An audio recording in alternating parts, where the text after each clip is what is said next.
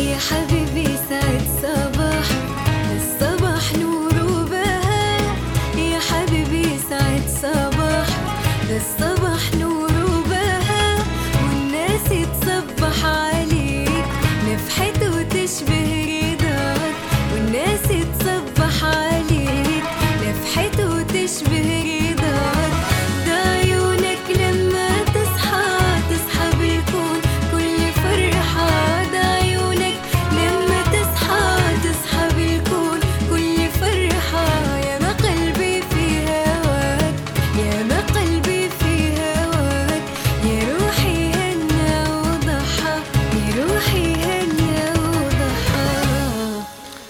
صباح الخير يا عدن.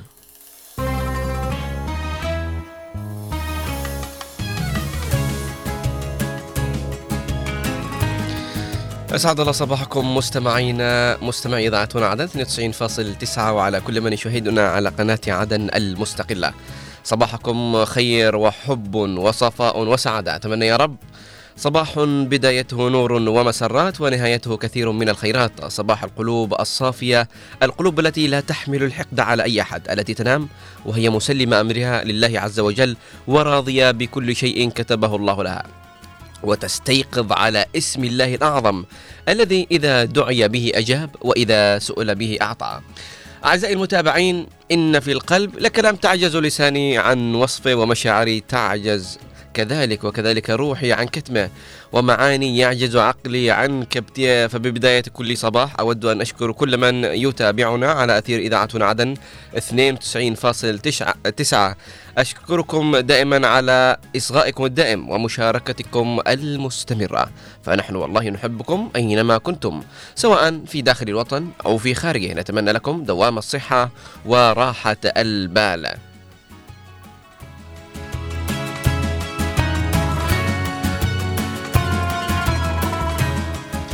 صباح انتهاء الطاقة السلبية والهموم والمشاكل وانفراج كل شيء جميل مع بداية هذا الصباح. صباح الأمل والتفاؤل والمحبة والتسامح. أسعد الله صباحكم بكل خير مستمعينا الكرام وكل من هو متواجد معنا في هذه الساعة الصباحية في برنامجنا الصباحي. والتحية موصولة من طاقم العمل في هذا البرنامج. مني أنا شخصيا غسان صلاح وأيضا من زميلي المتواجد معي في الاستوديو الزميل غيث أحمد. والتحية موصولة إلى المخرجين الاثنين الموجودين معنا من الإخراج الإذاعي نوار المدني ومن الإخراج التلفزيوني أحمد محفوظ.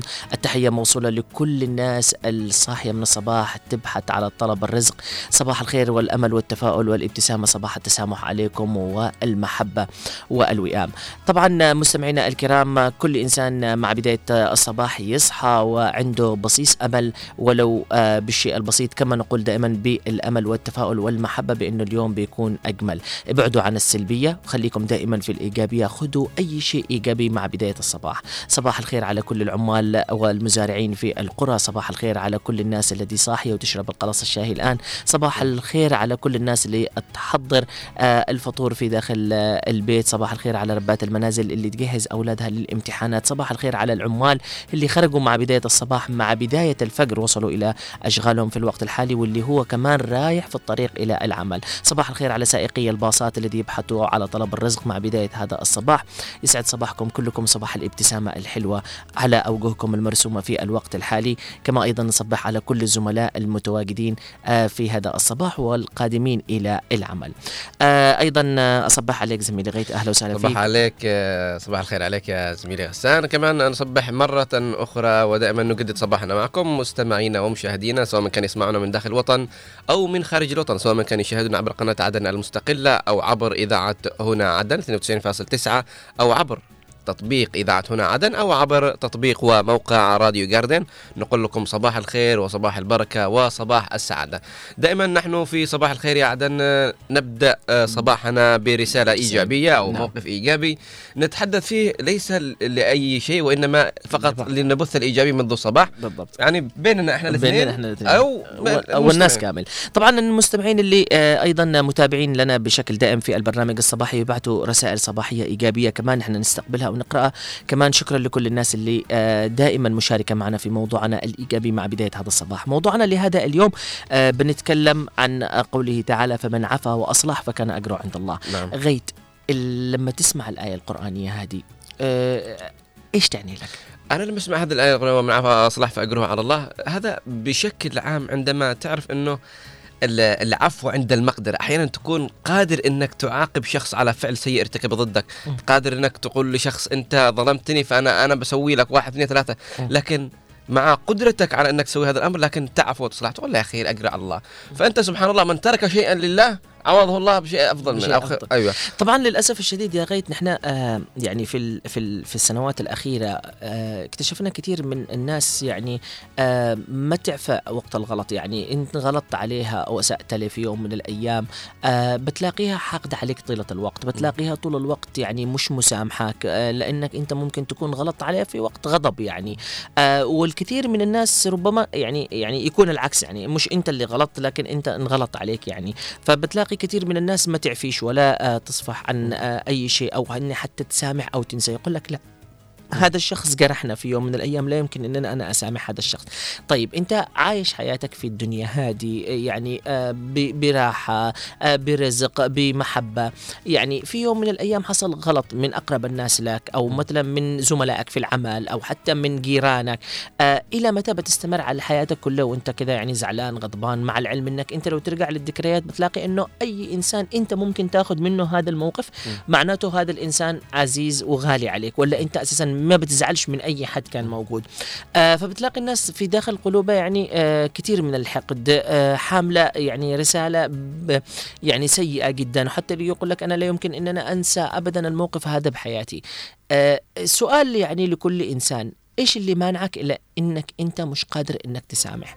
إيش الذي مانعك؟ إنك أنت ما تس يعني ما تفصحش عن أي أشياء كانت موجودة في داخلك ما تحاولش قدر الإمكان إنك تنسي كل أشياء سلبية موجودة معك. إيش الشيء الذي مانعك؟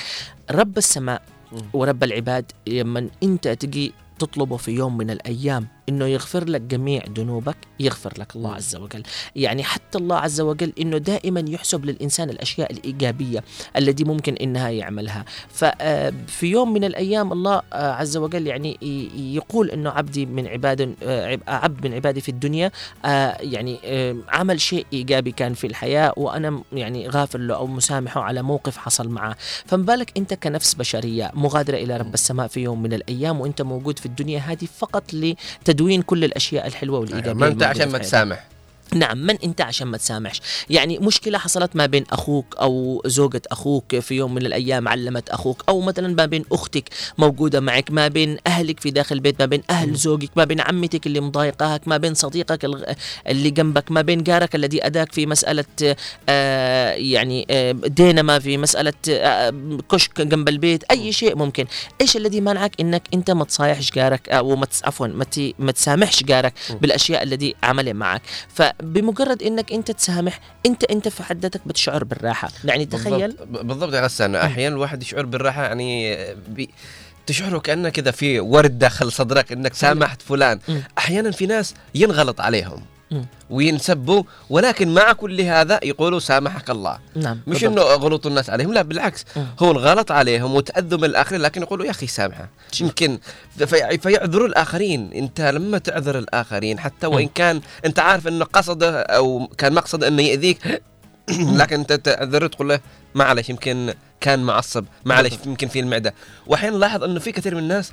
يرجعوا سبب عصبيتهم وكلامهم السيء. يا أخي أنا معلش فيني معدة. يا أخي أنا فيني ضغط. أيوه أنا في بسكر أنا ليش مش عارف له امراض نعم حتى حتى وإن كان فعلا الإنسان يعني هذه عوامل موجودة. ال- السؤال ال- الطرف الذي بي بيغلط والطرف اللي بينغلط عليه. يعني أنت في الأول والأخير حتى وإن انغلط عليك أنت قادر إنك أنت تسامح. تخيل إنه في مشكلة حصلت بينك وبين حد. يعني آه بتلاقي إنه يومك ده كامل اللي أنت عايشه أكيد مليون في المية بت بتلاقي ده الشخص. ليش أنت تجلس طول اليوم؟ ها بيكلمنا. ها لا عمل الحركة الفلانية متعمد إنه يعمل صح. الحركة الفلانية. جزع من جنبي ماسك القلاص الشاي يعني هو يعاندنا. ها لا قد الكلمة كذا يعني خلاص بتجلس طول الوقت أنت عايش في شك آه، بينك وبين نفسك وبتجلس طول الوقت أنت تألم نفسك وتطالع على نفسك وبتكبر المشكلة. وممكن حتى لما توصل لمرحلة إنك ضغط أكثر من اللازم بتروح عند أهل الخير. وفي ناس من أهل الخير ما شاء الله يشجعوا على دي المواضيع. يعني يحبوا المواضيع دي تكون موجودة عندهم في حياتهم. فبمجرد إنه آه، تروح تكلموا دي المشكلة بيزيد عاد يعني آه، الموضوع أيوه من تحت لتحت. أوه أيوة. هذه أبشع شيء. نصائح الأصدقاء اللي ممكن توديك في 60 داهية. طيب. يعني في بعضهم مش شرط إن أي حاجة تصير معك تحكي لصاحبك مش شرط إن أي حاجة تصير معك تحكي للسول ميت رفيقك اللي واصل معك. أحيانا ما ينصحك أحيانا يوديك. إلى التهلكة. آه شوف انتبه منه من تحت لتحت. أحيانا يكون ذاك الشخص قصده كلام عادي مش قصده أي شيء ثاني فأنت تأخذه بعين الاعتبار على كل شيء صغير وكبير يقوله آه إذا قصد حاجة كذا كذا. فأنا بنتبه وتروح تحذر الآخرين. فأنت وقعت في دوامة الشك. هذه دوامة الشك ممكن توديك في 60 داهية. إنك. تشك حتى بأرجلك اللي. تمشي فيها وتعيش وتعيش حياتك كلها وانت متألم وزعلان ومتضايق وتبحث على حل من الحلول انك تكون كيف بخير وما تبعد عن المشاكل وتتكلم عن المشاكل والهموم. لا طبعا طالما إنه في معك طاقة سلبية واحدة موجودة معك أعرف إنه يومك ده كله بيتأثر في المشكلة دي اللي موجودة معك وبتلاقي نفسك تلقائيا تحسب لها ألف حساب خلال اليوم وممكن إنك تتضايق من الناس الذي حولك كمان وتبدأ الطاقة السلبية دي تسيطر عليك بشكل كبير جدا. ال- المقصد والهدف من من من من الموضوع هذا إنه أنت مش خسران أي حاجة. إنك أنت آه يعني سامحت أو اعتذرت أو حتى آه بادرت بالشيء ال ال يعني ال ال الطيب. لأنه في النهاية في الأول والأخير لو تجي ترجع لها بتلاقي إنه دي من ضمن الأجر المحسوب عليك يعني. واحيانا لما تعصب وينتهي عصبيتك تقول يا أخي أنا ليش عصبت؟ أنا ليش ضبحت والأمر كان بسيط ما يستاهلش؟ أحيانا نرجع إلى عقولنا. فلذلك يعني خلاصة الكلام إنه يا جماعة حاولوا إنكم تصبروا وقت العصبية، حاولوا إنكم لا تتخذوا أي قرارات ممكن توديكم في 60 داهية، مم. إحنا معصبين لا نتخذ اي قرار ننتظر حتى نهدأ فبنعرف القرار اللي كنا بنقرره كنا في شدة الغباء إذا كنا قررناه وإحنا معصبين نعم. لأنه بيكون قرار سيء جدا في حياتنا وفي محيطنا بشكل عام. نعم هذه هذه الرسالة كانت من غاية للناس الذي ممكن إنها تكون غضبانة أو تزعل في صاحبة قرار، لكن أنا رسالتي للناس الطرف الآخر الذي ممكن يلاقي الغضب من الشخص هذا أو يلاقي ردة الفعل السيئة اللي تكون موجودة، أنا أحب إن أنا أقول لك حتى لو ان غلط عليك بالنهاية في الأول والأخير أنت مكتوب لك الأجر والثواب أكثر إذا أنت سامحت الإنسان الذي بيغلط عليك، أنا عارف إنه كثير من الناس بيقول لك لا يمكن أسامح ولا يمكن مش عارف إيش، لكن صدقنا لو نظرت للمشكلة هذه في الوقت الذي حدثت فيه المشكلة لا يمكن إنك تسامح، لكن لو مرت الأيام بتلاقي إن المشكلة دي بنظرك يعني حاجة تافهة. ولما بتسامح بتشعر يعني ال- الشيء الإيجابي اللي بينك وبين الشخص اللي أنت تصايحت أنت وهو أو زعلت أنت وهو بتلاقي إنه فعلا الشيء ده الذي حصل. أنت كيف زعلت أنت وهو من حاجة تافهة دي في الحياة؟ فحاولوا قدر الإمكان إنكم تكسبوا الأجر والثواب. دائما نحن نقول رسالة واضحة جدا إنه نحن بشر في الدنيا دي. لو رحنا من الدنيا وغبنا عنها بينقطع عننا كل شيء إلا الأثر الطيب ولد آه، صالح يدعو له آه. وكمان الصدقة الجارية. يعني الصدقات الجارية دي ممكن ما تكونش آه، يعني في ذاك الوقت لكن ممكن تكون الصدقة الجارية اللي كانت في حياتك أنت تعطيها للناس. فمن ضمن الصدقات الطيبة هذه اللي هو الأجر والثواب في المسامحة الأجر والثواب في الابتسامة مع بداية الصباح للناس الذي حولك للناس الذي حتى ممكن تكون اذتك في يوم من الأيام. صدقنا إنه أجرك عند رب العالمين ضعف الأضعاف ممكن إنك تلاقيه. في النهاية بترحل رب السماء بجسد فقط لا غير والجسد هذا بالنهاية تحت التراب بياكله الدود وبتنتهي كل حاجة في الحياة هذه وبيبقى اثرك الطيب. فاتركوا آثار لكم طيبة. سامحوا كل الناس حاولوا قدر الإمكان إنكم تفصحوا عن كل شيء. حاولوا قدر الإمكان إنكم تنهوا أي خلافات ما بينكم وما بين الناس الذي حولكم سواء كنتم تحبوهم أو ما تحبوهمش. لأنه لو نحن شعرنا بحب كل الناس الذي حولنا بنعرف كيف نحن نعيش بسلام وأمان. نعم. مستمعينا الكرام شكرا لكل من تابعنا في هذا الصباح شكرا لكل الناس أيضا اللي تبعت رسائل إيجابية من بداية الصباح بنقرأ تعليقاتكم على هذا الموضوع شكرا للناس اللي تبعت الروح والأمل والتفاؤل مع بداية هذا نعم. الصباح آه التحية موصولة مننا لكم أنتم تقريبا برنامجنا الصباحي بيبدأ معكم ورحلتنا بتبدأ الصباحية بعدة فقرات ولكن قبل ما نبدأ بهذه الفقرات خلونا نطلع بأول أغنية من اختيار الرائع دائما نوار المدني. للفنان كاظم الساهر نستمع لهذه الأغنية مع بداية هذا الصباح ثم. نعود بأول فقرات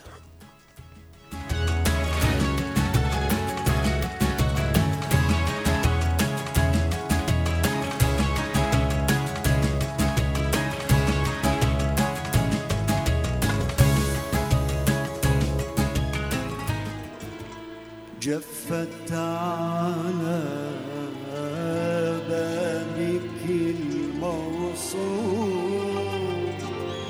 أزمنتي ليلى وما أثمرت شيئا لذاتي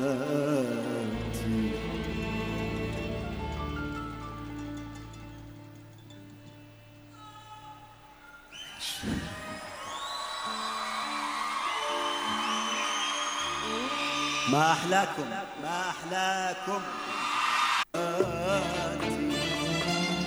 أعتق الحب في قلبي وأعصره فأرشف الهم فأرشف الهم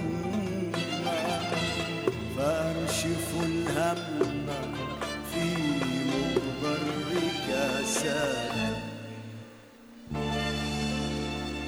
ممزق أنا لا جاه ولا ترف يغريك فيا فخليني لآهاتي.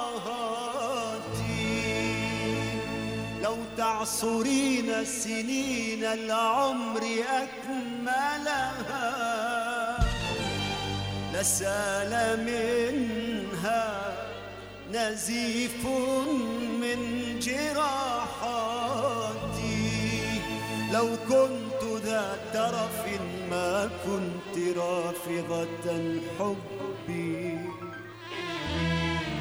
ولكن عسر الحال فقر الحال ضعف الحال. مأساتي.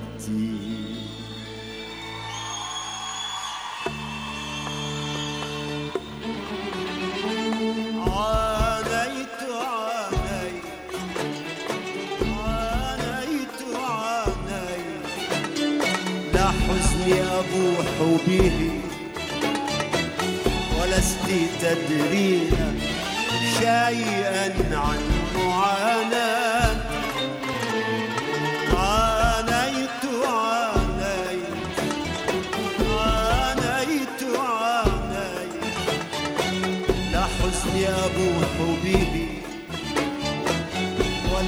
ولست تدرين شيئا عن معاناة. أمشي وأضحك يا ليلى مكابرة. علي يخبي عن الناس احتضاراتي. الناس تعرف ما أمري فتعذرني ولا سبيل لديهم في مواساتي. يرسو بجفني حرمان يمص دمي. ويستبيح إذا شاء ابتساماتي معذورة أنت إن أجهضتني أملي. لا الذنب ذنبك بل كانت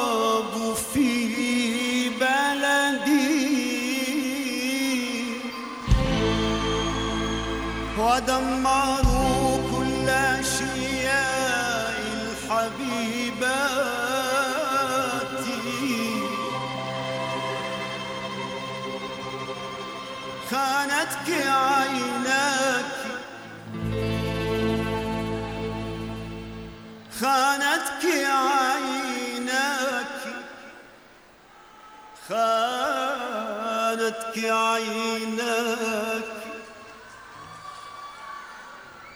خانتك عيناك في زيف وفي كذب أم غرك البهرج الخدام؟ ومن جديد عدنا لكم مستمعينا الكرام ننطلق بأولى فقراتنا للبرنامج الصباحي وهي فقرة الطقس. ثم نعود مرة ثانية برحلة إلى أهم الأحداث لهذا اليوم. ثم نعود مرة ثانية إلى فقرة الأخبار وحلو الأخبار وأيضا نستقبل مراسلين في ال- المحافظات نعرف أهم. الأخبار الإيجابية.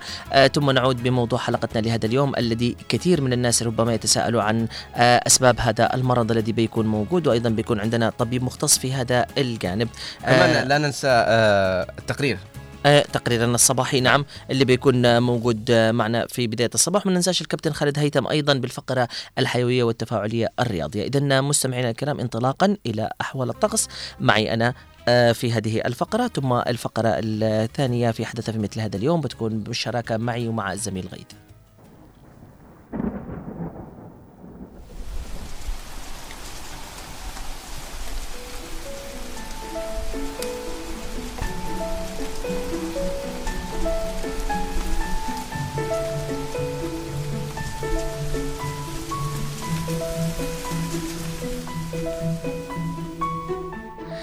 أهلا وسهلا بكم أعزائي المتابعين. اينما كنتم إلى فقرة آه، الطقس التي نع- نعرف أحوال الطقس من آه، آه، الحدث في مثل هذا اليوم إن شاء الله.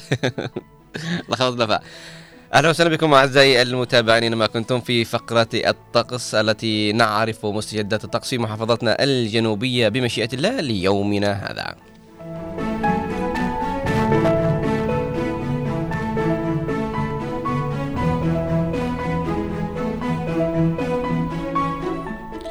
بداية من محافظة لاحق سيكون الطقس نهارا صافيا مع ظهور بعض السحب المتفرقة على فترات وتكون درجة الحرارة العظمى 30 درجة مئوية وسيكون الطقس ليلا صافيا وتكون درجة الحرارة الصغرى 17 درجة مئوية.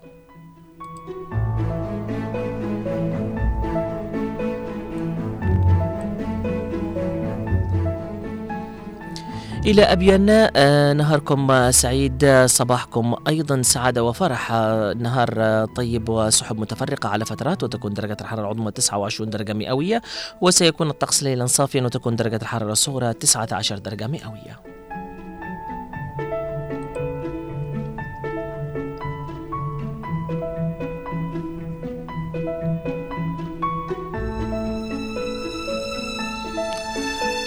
صباح الخير على كل من هو متواجد في شوا سيكون الطقس نهارا صافيا مع ظهور بعض السحب المتفرقة على فترات وتكون درجة الحرارة العظمى 24 درجة مئوية. وسيكون الطقس ليلا غالبا صافيا وتكون درجة الحرارة الصغرى 9 درجة مئوية.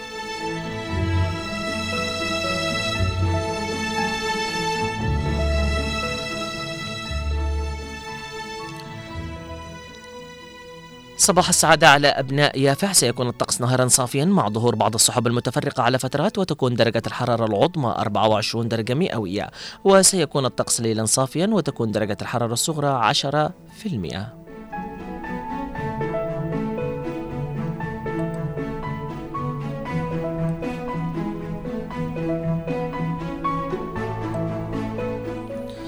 صباح الأمطار على جزيرة سقطرى صباح الخير على كل من هو متواجد في هذه الجزيرة الجميلة. سيكون الطقس نهارا غائما مع هطول زخات رعدية من الأمطار وتكون درجة الحرارة العظمى 24 درجة مئوية وسيكون الطقس ليلا غائما على فترات مع هطول أمطار خفيفة وتكون درجة الحرارة الصغرى 20 درجة مئوية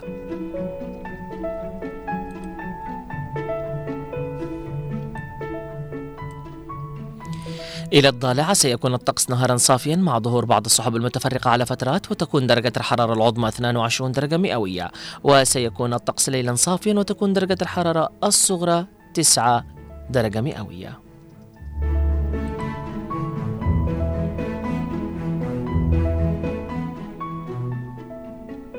إلى حضرموت سيكون الطقس نهارا غالبا صافيا وتكون درجة الحرارة العظمى 27 درجة مئوية وسيكون الطقس ليلا غالبا صافيا وتكون درجة الحرارة الصغرى 18 درجة مئوية.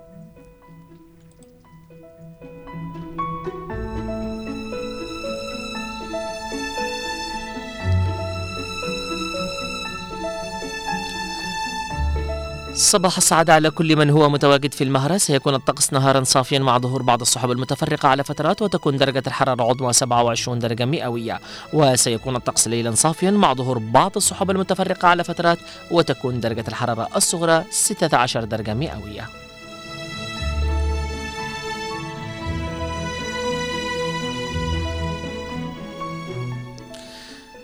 وختاما إلى عدن الحبيبة صباحا غيوم متفرقة ودرجة الحرارة 25 درجة مئوية. ظهرا ستكون أيضا درجة الحرارة 26 درجة مئوية وغيوم متفرقة ستستمر درجة الحرارة إلى 26 درجة مئوية. فترة العصر والمساء مع غيوم متفرقة.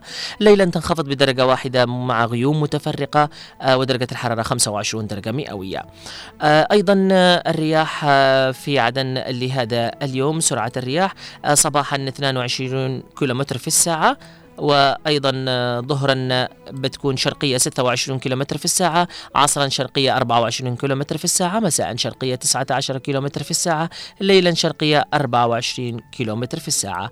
الرطوبة لهذا اليوم في عدن نسبيا صباحا 56% 40% في فترة الظهيرة. عصرا تنخفض بخمس درجات عن فترة الظهيرة ب 35 درجة في 35 درجة مئوية وكمان مساء الرطوبة ترتفع إلى 54 آه، آه، الرطوبة النسبية وليلا تكون إلى 61 آه، بالنسبة للرطوبة النسبية.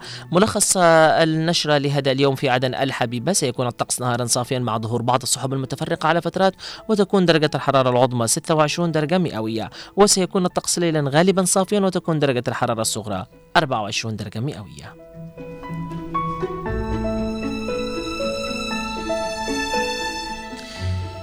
بكذا مستمعينا الكرام انتهت فقرة الطقس لهذا اليوم من محافظتنا الجنوبية. انطلاقا إلى فقرة حدث في مثل هذا اليوم بالشراكة مع الزميل غيد.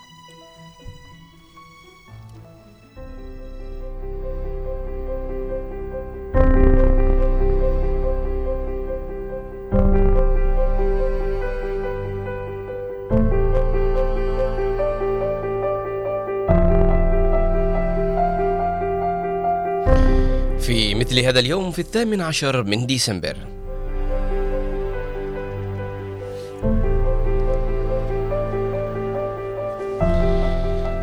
في الثامن عشر من ديسمبر عام 1499 بدء ثورة البشرات ردا على التحولات الدينية الإجبارية للمسلمين في إسبانيا.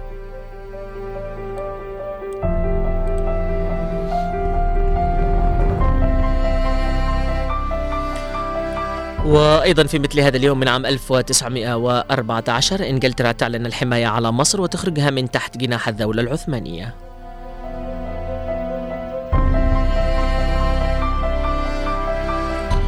وفي مثل هذا اليوم عام 1941 القوات اليابانية تنزل على شواطئ هونغ كونغ وتقوم بسلسلة من المذابح المروعة حتى استسلمت المدينة بالكامل في يوم عيد الميلاد.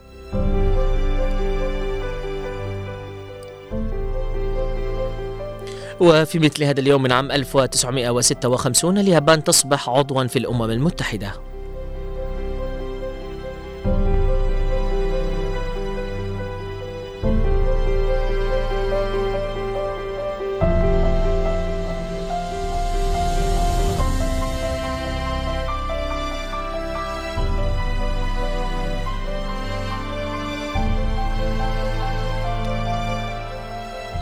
وفي مثل هذا اليوم عام 2008 محكمة جرائم الحرب تحكم بالسجن مدى الحياة على القائد السابق للجيش الحكومي الكولونيل آه، ثيونيست بعد إبادته.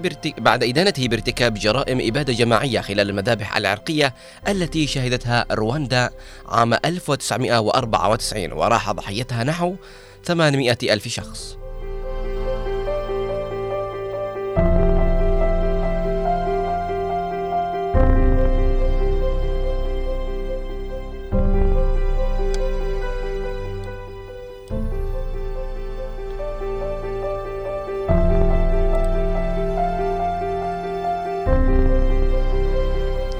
وفي مثل هذا اليوم من عام 2013 أول عملية زرع قلب صناعي في التاريخ تتم في مستشفى غورغ بومبيد الأوروبي في باريس. وكذلك من نفس العام آه، لاعب كرة القدم المصري محمد أبو تريكة يعتزل كرة القدم.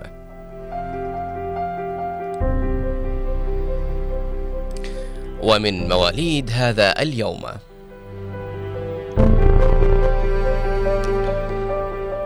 من مواليد هذا اليوم عام 1878 ولد الزعيم الشيوعي وثاني قادة الاتحاد السوفيتي جوزيف ستالين.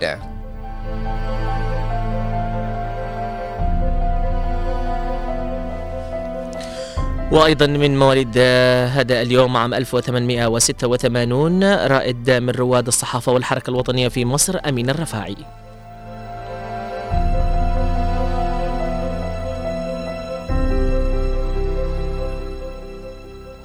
ومن مواليد هذا اليوم عام 1913 ولد فيلي برانت مستشار ألمانيا وحاصل على جائزة نوبل للسلام عام 1971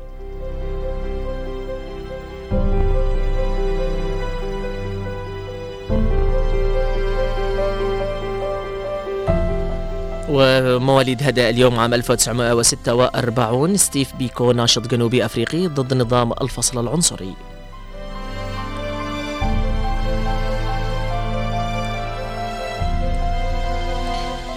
وفي مثل هذا اليوم عام 1974 ولدت الممثلة المصرية نيلي كريم. وأيضا من مواليد هذا اليوم من عام 1960 طلعت زكريا الممثل المصري. ومن وفيات هذا اليوم.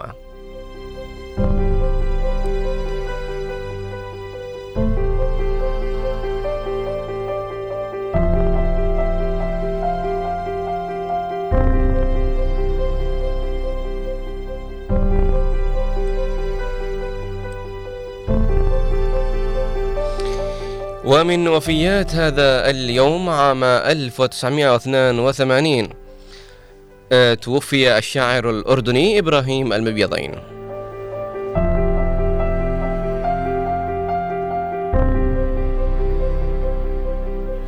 وأيضا من وفيات هذا اليوم عام 1994 صاحب حداد مونيتير ومخرج سينمائي عراقي.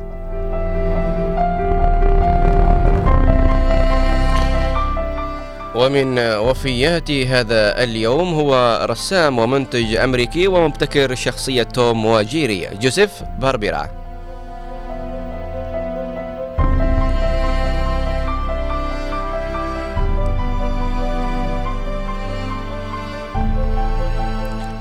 ومن وفية هذا اليوم عام 2013 الممثلان جمال إسماعيل وزهرة العلا ممثلان مصريان ومن الأعياد والمناسبات لهذا اليوم.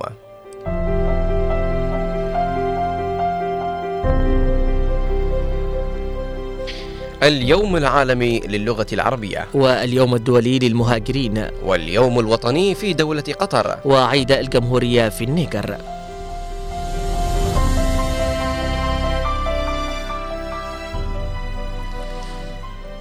إذا مستمعينا الكرام انتهت فقرتنا لهذا اليوم من فقرة حدث في مثل هذا اليوم. دعونا نذهب إلى حلو الأخبار والأخبار الإيجابية لهذا اليوم مع الزميل غيث أحمد.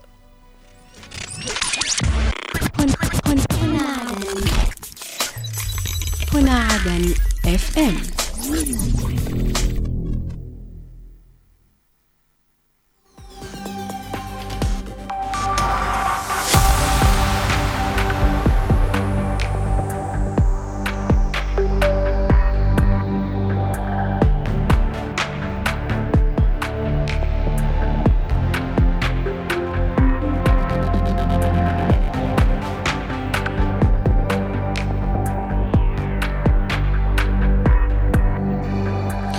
أهلا وسهلا بكم أعزائي المتابعين. اينما كنتم إلى فقرة حلو الأخبار التي ناخذ بعض الأخبار الإيجابية من عده صحف ومواقع إلكترونية.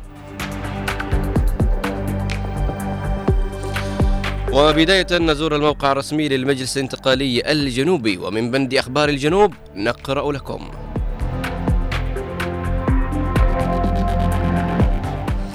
انتقالي لودر والسلطة المحلية يدشنان حملة نظافة واسعة في المديرية. انتقالي الغيضة يدشن توزيع أدوية إسعافية للمراكز الصحية بالمديرية. انتقال المهرة يطلع على نشاط صندوق النظافة بالمحافظة. انتقال أبين يعقد لقاء تشاوريا مع رؤساء أقسام الشؤون الاجتماعية بمديريات المحافظة. وانتقالا إلى موقع وصحيفة 4 مايو وفيه نقرأ.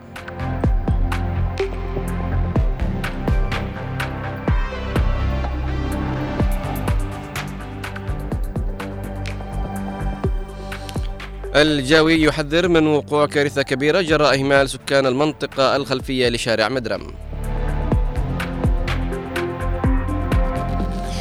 أول فرقة موسيقية نسائية تبصر النور في عدن.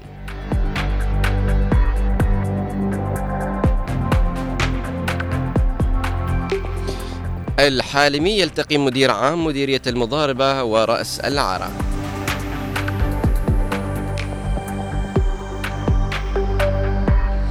المجلس الانتقالي يكرم أبطال المسابقات الرياضية في مهرجان شبوة الرياضي الأول. وانتقالا إلى موقع وصحيفة عدن تايم ومن بند أخبار عدن نقرأ لكم.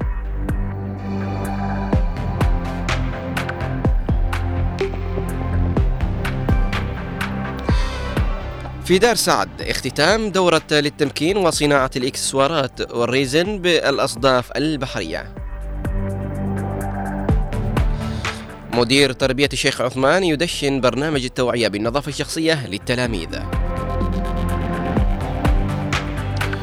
وفي عدن تسليم لوحة فنية بعد بيعها في مزاد بقيمة 23 مليون لصالح دار الأيتام.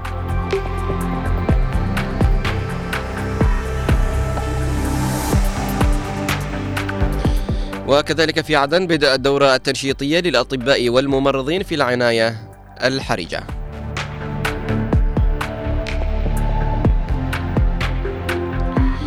تدشين برنامج الجمع المباشر للقمامة بأحياء منطقة القاهرة في مديرية المنصورة.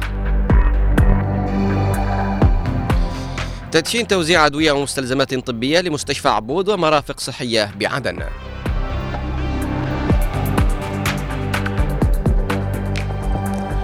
ومن عدن تام إلى بند أخبار المحافظات ونقرأ لكم.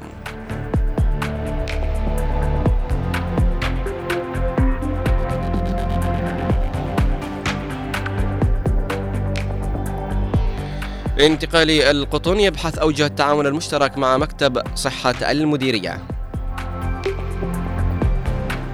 وفي الضالع توجيه محلي باستكمال المشاريع الخدمية.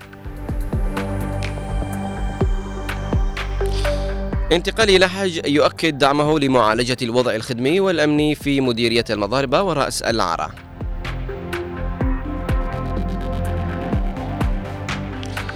بحث تفعيل دور إيرادات صندوق التقاعد الأمني وتدشين صرف كرت المعاش للمتقاعدين.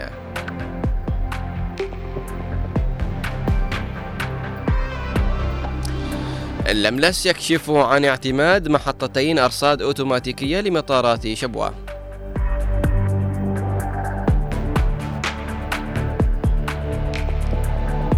إتلاف كمية من الأدوية الغير مطابقة للمواصفات بمنفذ شحن.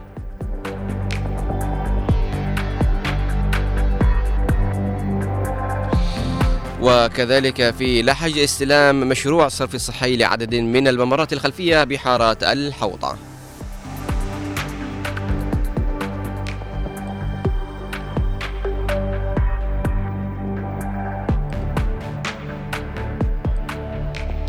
وأخيرا ننتقل إلى موقع درع الجنوب الموقع الرسمي للقوات المسلحة الجنوبية وفيه نقرأ. حزام عدن يوضح ملابسات مقتل شخص بالقرب من أحد نقاط الأمنية ومعاقب ذلك من وما عقب ذلك من أحداث. في لحج القبض على متهمين بمحاولة اغتيال مسؤول محلي وأحد موظفيه. وشرطة المعلى تلقي القبض على مت- المتهم بسرقة شقة في عمارة الحرية. أمن العاصمة عدن يلقي القبض على متهم بسرقة سيارة بمديرية دار سعادة.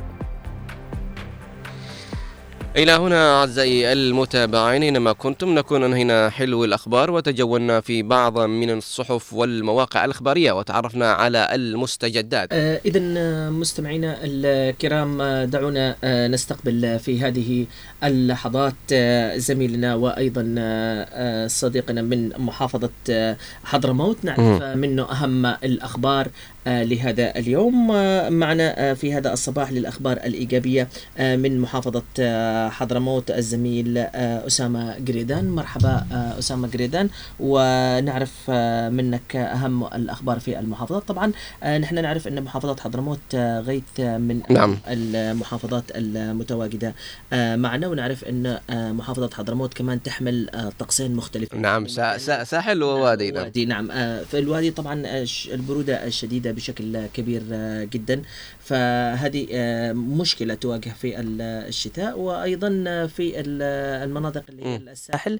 أيضا نسبة البرودة آه، مرتفعة بشكل كبير جدا. إذا دعونا آه، نستقبل أسامة أسعد الله صباحك بكل خير وصباح التفاؤل والمحبة عليك. يا صباح الخير عليك زميلي وصباح النور وصباح أيضا السعادة في هذا الجو الجميل. آه صباح الخير عليك أسامة. أسامة طبعا نحن مع بداية الصباح كنا آه نتكلم يعني أنا وغيت على آه شيء بسيط واللي هو آه من عفا وأصلح كان أقرأ عند الله عز وجل. آه هذه ال ال الآية القرآنية يعني آه ماذا تعني لك يعني من ناحية التسامح والمحبة كأسامة. اولا أحيي زميلي غيث واحييك أيضا أستاذ بسام آه، وأحيي جميع المستمعين عبر هذه الإذاعة. طبعا آه، هي فكره جميلة أن يكون الشخص ذو آه، تسامح. آه، وأيضا يعني هناك آه، أثر إيجابي كبير جدا في نفس الشخص آه، عندما يكون آه، غفور. فإذا كان آه، الله يقول إن- إنه غفور رحيم فما بالك بالعبد آه، إذا غفر آه، لشخص اساء له أو آه،. تكلم عليه أو أي شكل من هذه الأشكال آه، آه، السلبية. فأن تكون أنت مسامح هي أن تكون عندك النيه الكاملة الصافية أن تكون سعيد جدا عندما آه، تسامح من لك نعم قد تكون هناك بعض آه، الأساليب أو الأشياء السلبية جارحة جدا. ولكن آه، بما أن الشخص يحمل آه، هذه الصفة صدقنا سيكون هو السعيد آه، وسيكون هو أسعد آه، بذلك. لأنه في النهاية آه، يحمل في طيات قلبه التسامح ويحمل في طيات قلبه الخلق. لأنه تعتبر هذه أيضا من صفات آه، الخلق لدى الإنسان أن يكون آه، متسامح لجميع أحبابه وأيضا حتى إذا كان الأمر آه، تطلب إلى ال- إلى جميع الأعداء. فالتسامح دائما آه، هو أو أو الات- ال- ال- الابتسامة هي دائما السلاح الأقوى سواء كان للأعداء أو للأحباب أن تكون متسامح آه، في كل ما يفعلون بك. نعم, نعم. آه سعد الله صباحك بكل خير. آه، أسامة طبعا آه، أنت من الناس ال- المحبين وأيضا المتسامحين بشكل كبير جدا ونحن سعيدين أيضا بزمالتك ومعرفتك الطيبة في العمل. أسامة أهم الأخبار في المحافظة من أخبار إيجابية؟ طبعا في البداية دعنا نتكلم عن هذه الأجواء التي نعيشها آه، في آه، وادي حضرموت وكلنا قد اطلعنا على النشرات الجوية. آه، التي تمر بها آه، الطقس الحالي في مرحلة آه، الشتاء وكالعادة وادي حضرموت آه، دائما آه، يشهد وهذه الفترة بالذات آه، غليان كبير جدا من شدة آه، حدة آه، البرودة وهو. المعروف آه، بمسمى الوادي آه، الذي تحتويه كافه آه، آه، الاشجار والمزارع وأيضا المياه آه، فهذه هي التي تؤكد دائما آه، شكل آه، جلدي جدا على آه، زيادة حدة آه، البرودة في وادي حضرموت لدرجة أنه يصل البرد الآن حارق جدا جدا لا يستطيع الشخص آه، أن يمارس عمله بشكل طبيعي أو أن يذهب إلى مكان بشكل طبيعي. ناهيك أيضا عن تزايد آه، الأمراض آه، البردية نتائج هذا البرد بالإضافة أنه طبعا آه، في الفترة ما بين المساء أيضا وأيضا ما بين الصباح الباكر يعني آه، تلاقي آه، أصحاب الأمراض المزمنة وأيضا آه، الأطفال والصغار آه، يمنع منهم الخروج إلى الشارع لهذا الاشتداد الكبير للبرد وحتى إن خرج المواطن الصاحي والمواطن العادي فتلاقي آه، الحمد لله يعني متغطى ب آه، ال- الملابس الشتوية الثقيلة حتى آه، يجي من آه، هذه من شدة هذا ال- البرد اللي نعيشه في وادي حضرموت.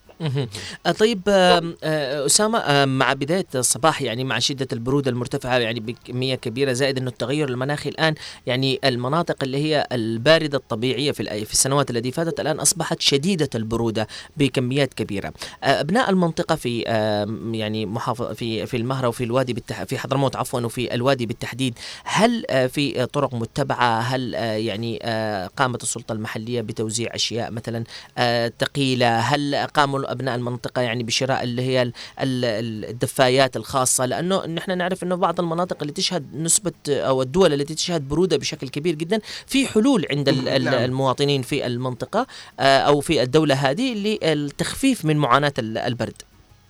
طبعا أول في البداية دعنا نقول الحمد لله أننا بيوتنا مبنية من الطين فهذه البيوت. آه، لها ميزة جدا في وادي حضرموت معظم يعني نسبة آه، 95% آه، بيوت آه، أبناء وادي حضرموت هي مبنية من الطين والذي دائما تعطي انعكاسات آه، في الأجواء المناخية سواء كان في الشتاء أو آه، في فصل الصيف عندما تكون في أجواء ال- الشتوية تكون آه، البيوت داخلها دافئة جدا بحكم سمك هذا المبنى وأيضا العكس إذا كان في فصل الشتاء في فصل الصيف ستكون آه، ال- البيوت آه، باردة دا- داخليا بحكم سمك هذا المبنى الذي يعزل الحراره وأيضا يعزل البرودة عن دخولها في المنازل هذا واحد. الشيء الثاني هناك أيضا عادات وطقوس تمارس في وادي حضرموت. للحد من وقايه هذا ال- البرد من خلال أيضا آه، ال- الوجبات آه، الشتوية التي هي معروفة عندنا في وادي حضرموت كالعصيد وأيضا آه، الهريس وغيرها العسل والكثير من الوجبات آه، الصباحية والمسائية التي دائما تجعل آه، المواطن نوعا ما يحس بالدفء من خلال آه، تناوله لهذه الوجبات. وأيضا هناك آه، بعض آه، الرياضات آه، الصباحية التي هي أيضا تساعد على آه، نوعا ما من آه، خفه حدة آه، البرودة بالإضافة أن هناك يعني آه، ما شاء الله يعني في وادي حضرموت ما زال الخير متواجد من خلال آه، المبادرات الخيرية وتوزيع الملابس الشتوية الثقيله آه، للكبر الذي هي من أشد احتياجا. آه، أيضا هناك يعني تلاقي ما بين آه، الحارات آه، مدفئية في ال- التكاك وأيضا الشوارع من حيث أنه يتجمع فيها الشباب. آه، خصوصا في وقت آه، المساء ما بعد آه، صلاة المغرب وأيضا صلاة العشاء آه، ويشعلون النيران فيما بينهم آه، البين بيجلسون آه، يتدفئون حتى آه، يعني آه، نهاية آه، سمرتهم أو سهرتهم هذه هي كلها الذي آه، دائما يمارسونها أبناء وادي حضرموت في هذا الجو آه، البارد جدا. نعم. آه آه أعنكم الله على هذا ال- ال- الجو أسامة إن شاء الله وأيام آه، أو أشهر بسيطة يعني ينتهي الشتاء وبإذن الله تستعدوا الشتاء القادم إلى شيء يعني أقوى من من هذا الشتاء. أسامة أهم الأخبار الذي تدور حولك في المنطقة؟ نعم زميلي غسان. في البداية دعنا نتكلم على خبرين مهمين جدا هو إقامة مؤتمر آه، علمي ويعد هو الخامس. آه، يحمل عنوان آه، التاريخ والمؤرخون الحضارمة في النصف الأول من القرن العشرين الذي ينظمه أيضا مركز حضرموت آه، للدراسات التاريخية والتوثيق والنشر. آه هذا المؤتمر أقام يوم أمس آه صباحا في قاعة الصبان آه ويحمل في طياته العديد من ال- آه الأوراق آه الذي آه يعني آه تطرقت إلى مهمة من تاريخ حضرموت في النصف الأول من القرن العشرين وأيضا هناك مناهج كثيرة تاريخية وسياسية واستثمارية عرضت. آه، وقرأت على آه، الكثير من آه، الشخصيات السياسية والاجتماعية وأيضا الك- الأكاديميين والباحثين آه، في هذا الجانب بخصوص أيضا آه، المراحل التعليمية وأيضا الحركات الشعبية والقبليه وأيضا آه، الصحافة الحضرمية. آه، كل هذا هو ما يتعلق بالإرث الحضرمي والتاريخ الحضرمي التي تتمتع بها محافظة حضرموت حيث انه هناك كانت يعني آه، مداخلات آه، واسعة وأيضا آه، مقترحات آه، طروحات والخروج أيضا آه، بالتوصيات والمهمة التي تهتم آه، بالشأن آه، الثقافي والحضرمي والتاريخي. هذا المؤتمر أتى يعني لتحريك المياه الساكنة وأيضا تحفيز العمل البحثي نحو العشرات من القضايا والمواضيع التي هي اليوم بحاجه للقراءه التاريخية والتحليليه لصناعة مسارات مضيئة أيضا للشعوب التي تتطلع إلى حاضرها المشرق والتحسين أيضا آه، من مستقبلها المنشود. وكلنا نأمل آه، ذلك أن تكون محافظة حضرموت وأيضا المحافظات الجنوبية هي آه، الدولة التي دائما تتصدر في صناعة التاريخ وأيضا صناعة الثقافة التي تمثلنا نحن كجنوبيين في الحضارات العالمية. هذا واحد، الشيء الثاني طبعا نحن نمر أيضا بمرحلة ال- ال- الاختبارات النصفية. في جميع المدارس. آه، دعنا نتطرق إلى نقطة مهمة جدا وهو اليوم آه، أصبح الطالب أو الطالبة آه، ما بين أمرين في حياتها الدراسية وأيضا ما بين توفير آه، العيش، أصبح اليوم جزء كبير من الطلاب يشتغلون من أجل تعزيز الدخل لاسرهم فاليوم يمرون بمرحلة آه، بمرحلة صعبة جدا. ان كيف آه، يقوم بمقام أنه يدرس ويكلل وقته للدراسة بالإضافة آه، أنه يعيل إسرة ويكلل وقته أيضا آه، أن يشتغل وأن يوفر ولو الشيء البسيط في ظل هذه الأوضاع الصعبة، أصبح اليوم الطالب آه، يعني يعيق مرحلة استمرار تعليمه ونجاحه. هذه الأوضاع السياسية التي تكالبت على المجتمع بشكل عام ولكن آه، في وادي حضرموت نقول ما زال التعليم آه، مستمر وهناك أيضا السلطة آه، ما بين حين وآخر تتفقد آه، المراحل آه، الامتحانية في المدارس وأيضا الكليات آه، بالإضافة انه الطالب آه، ما زال عنده عزيمة رغم انه هناك. الوقت غير كافي لي- ليقبل على دراسة آه، هذه الامتحانات آه، ويكون من الأشخاص الناجحين الا انه آه، أثبت وجوده لأن المرحلة التعليمية في وادي حضرموت اليوم تتطلب آه، جهد كبير جدا لأجل بناء آه، المستقبل وأيضا في المحافظات الجنوبية بشكل عام لأنه من ضمن ممارسات القوى اليمنية آه، هي آه، تعمدت آه، على بشكل عام في المحافظات الجنوبية على تخريب مرحلة آه، التعليمية حتى يكون هناك آه، جهل كبير آه، على مستوى المحافظات ولكن آه، للأسف كانت آه، هذه هي خيبات أملهم. فأصبح العكس أنه اليوم يعني معظم المحافظات الجنوبية آه، تمر آه، بامتحانات بمعنى انه المرحلة التعليمية هي متواصلة وأيضا آه، متكاملة بشكل المطلوب وفق آه، الإمكانيات آه، الغير آه، موجودة بالنسبة لبعض المدارس وأيضا آه، قلة رواتب المدرسين وأيضا هناك ما بين حين واخر آه، الإضرابات التي دائما آه، تعطي آه، التقليل من حق التعليم في الدراسة. ولكن كل هذه يعني لقت نجاح كبير واجع من أجل مواصلة التعليم. وهذا شيء جميل وشيء نعم. إيجابي جدا أن نحن في ظل الحروب وفي ظل الأوضاع الاقتصادية الصعبة وأيضا في ظل ما تتعمد القوى اليمنية من تخريب التعليم. ألا أنه اليوم الجنوب جدا وواعي جدا ما يمر به من مراحل من أجل آه، استعادة دولته الجنوبيه القادمة وأيضا من أجل تمكين آه، ال- ال- المناهج التعليمية في بناء الدولة وأيضا في صناعة آه، ال- القرار. نعم وهذه أهم الأشياء للبناء والتنمية أسامة آه، آه، هل هل من خبر إضافي متواجد معك؟ إلى حد الآن في خبر. أيضا من ضمن المراحل التعليمية هو أن ستكون وقفة احتجاجية. اليوم أمام مبنى رئاسة الجامعة. لطلاب لطلاب كلية آه، الطب بمنطقة الغرفة بمدينة سيئون.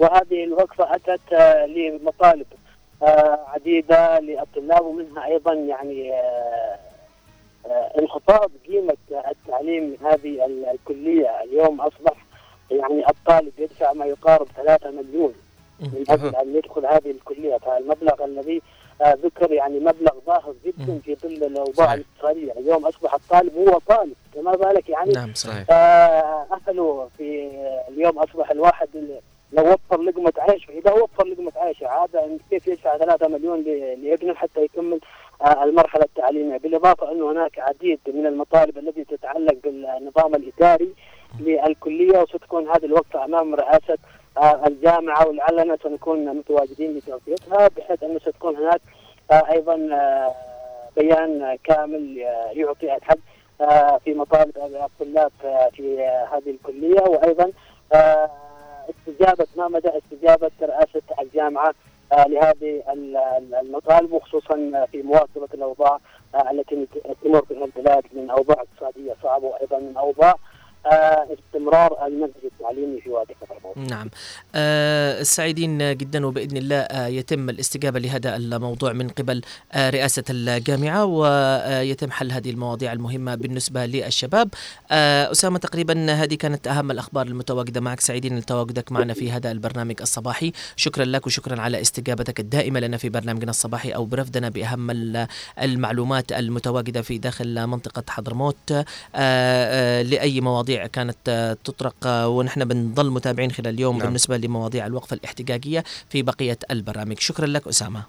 في أمان الله ونتمنى لك نهار سعيد. طبعا إنه ثلاثة ثلاثة مليون عشان آه، نعم. تدرس بالكلية هذا مليون. نعم هذا- مصاريف يعني أيوة. أيوة. بشكل دائم هذا إجرام يعني خاصة أنهم طلاب وفي من يعني آه، ظروف صعبة كمان منهم يعني ممكن يكون فقد أبوه أو فقد أمه أو أحد من أقربائه أو كذا وما في أي أحد يعيله نعم آه تقريبا أهم الأخبار الذي كانت آه، مع أسامة لهذا اليوم هي كانت آه، إقامة المؤتمر العلمي الخامس آه، آه، في آه، حضرموت نظمته مركز حضرموت للثقافة أيضا الاعتماد على آه، قال ال- كمان في الخبر اللي هي نقطة الوقفة الاحتجاجية بشكل كبير جدا وتكلم كمان آه، للمطالبة بت- بتخفيض ال ال يعني الرسوم للطلاب وكمان بعض الأمور الإدارية يعني وإن شاء الله تستجيب رئيسة الجامعة لهذا الموضوع أتكلم على مسألة ال ال يعني الإصرار في ظل الظروف الصعبة على مواصلة الدراسة والتعليم لأبناء حضرموت في داخل المدارس وفي يعني مواصلة الامتحانات وسير العملية التعليمية نعم. وبإذن الله آه، يعني أمورهم آه، تنحل مع آه، السلطات المحلية المتواجدة في آه، حضرموت الوادي. آه، شكرا لكل الناس المتواجدة معنا من بداية الصباح طلت علينا في رسائل صباحية مثل أم قاسم الذي قالت صباح الخير والسعادة عليك غسان وغيث وكل طاقم البرنامج الصباحي. كمان من الدكتور محمد اليافعي يقول صباح الخير لمن صافح الصب- الصباح حبا وشكرا لمحبي الصباح ويكتبون للصباح ويرسلون للغير. حازم أيضا يقول لا يفتح الله باب الخير إلا لمن طرقه فمن أقبل أقبل عليه ومن أعرض أعرض عنه صباح الخير آه، والتفاؤل. شكرا لك. عوض العبيدي يقول يسعد صباح غسان وصباح جميل رائع الإعلامي في الاستديو والميدان غيت أحمد وصباح ال- الخير نوار المدني وأحمد محفوظ والكابتن خالد هيثم. لمار تقول صباح الخير آه، وكمان آه، أم ريان تقول صباح الخير عليك غسان وغيث شكرا لكل الناس الذي صبحت علينا في الصباح. وأيضا أبو لين اللي قال صباح الخير عليكم وصباح الخير عليك أبو لين. شكرا لكل الناس التي صبحت علينا في البرنامج الصباحي لهذا اليوم. وبنستمر معكم. نعم. نذكركم آه، مستمعينا آه، الكرام بموضوع حلقتنا لهذا اليوم. لمن حابب أن يتابعنا في موضوعنا آه، لحلقتنا نحن اليوم بنتعرف عن الجلطات الدموية وأنواعها ولماذا أيضا الرجل أكثر عرضة لإصابة في الجلطات الدموية. آه، تجنبا للمشاكل الجلطات الدموية والأعراض التي ممكن انكم تحسوها في البداية بتعرفوها اليوم من خلال موضوع حلقتنا في ال- الفترة الأخيرة. اذا مستمعينا الكرام دعونا نرحب بالنشاط الصباحي الذي يكون معنا في برنامجنا الصباحي. كابتن خالد هيثم بسعادة صباحك بكل خير. صباح الحيوية والنشاط طبعا غسان وغيث ونوار. وأحمد آه، محفوظ وكل الأحبة وكل من استمع ديرون صباحك عافية وبركة ورضا إن شاء الله. اذا نوار دعنا ننطلق إلى فقرتنا الرياضية.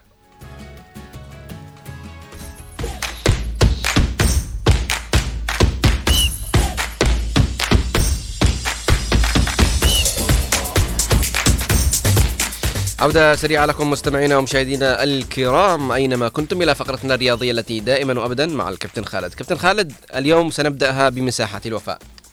أكيد آه، من بوابة مساحة الوفاء غيث نجدد لك الصباح أنت وغسان والمستمع الكريم. اليوم في مساحة الوفاء نتحدث عن شخصية وصفت بأنها رياضية اجتماعية سياسية. باعتبار انه هذا الرجل الذي يوم نتذكره في الذكرى التاسعة لرحيله فضل آه، سعيد عاطف. كان حوار شامل لعلاقة مع المجتمع. هكذا وصف. بوابة مفتوحه لا لا لا في أي جزئية أنتم طبعا عام 2014 آه، هو من ابناء طبعا آه، حقيقة محافظة لحج هناك لكن ذهب الشيخ عثمان ليقود طبعا حوار التعليمي. ثم يرتقي أهم ما فينا أنه في موضوع الرياضة. هو كان رئيس طبعا لآخر حقبة في نادي الواي سي سي في مدينه الشيخ عثمان. نتحدث عن اسم آه، مزج مزج الأدوار من بوابة شخصيته التي اعتمد فيها على قدرات خاصة أستطاع من خلالها أن يفرض حضوره في المجتمع من بوابة الأماكن التي يتواجد فيها. إذا. نتحدث عن شخصية رياضية تربوية سياسية اجتماعية منحت هذه الأرض الجميلة عدن كما كثير من الشخصيات حضور قوي يلتزم للدور آه، يمنح المكان آه، الشيء الذي يراد من خلاله أن يكون هو حاضر فيه وبالتالي ما نتحدث عن ال- الراحل الفقير طبعا. فاضل سعيد عاطف لأنه في حقه لكنه حق حوار ما زلنا نحتفظ بتفاصيله باعتبار إنه جزء من ال- ال- الحياة المجتمعية في الجنوب بصورة عامة وفي سنوات تغير يعني شكلها وهويتها لكن نحن نحتفظ بهذه الهوية لهذه الشخصيات. نترحم على الفقيد طبعا فضل سعيد عاطف في الذكرى على تحيه له باذن الله تعالى هو في الجنة. آه ربنا يرحمه ويتغمد بواسع رحمته إن شاء الله. كابتن خالد دعنا نذهب إلى دوري عدن الممتاز. على الكل. طوينا تسع جولات في دوري الممتاز.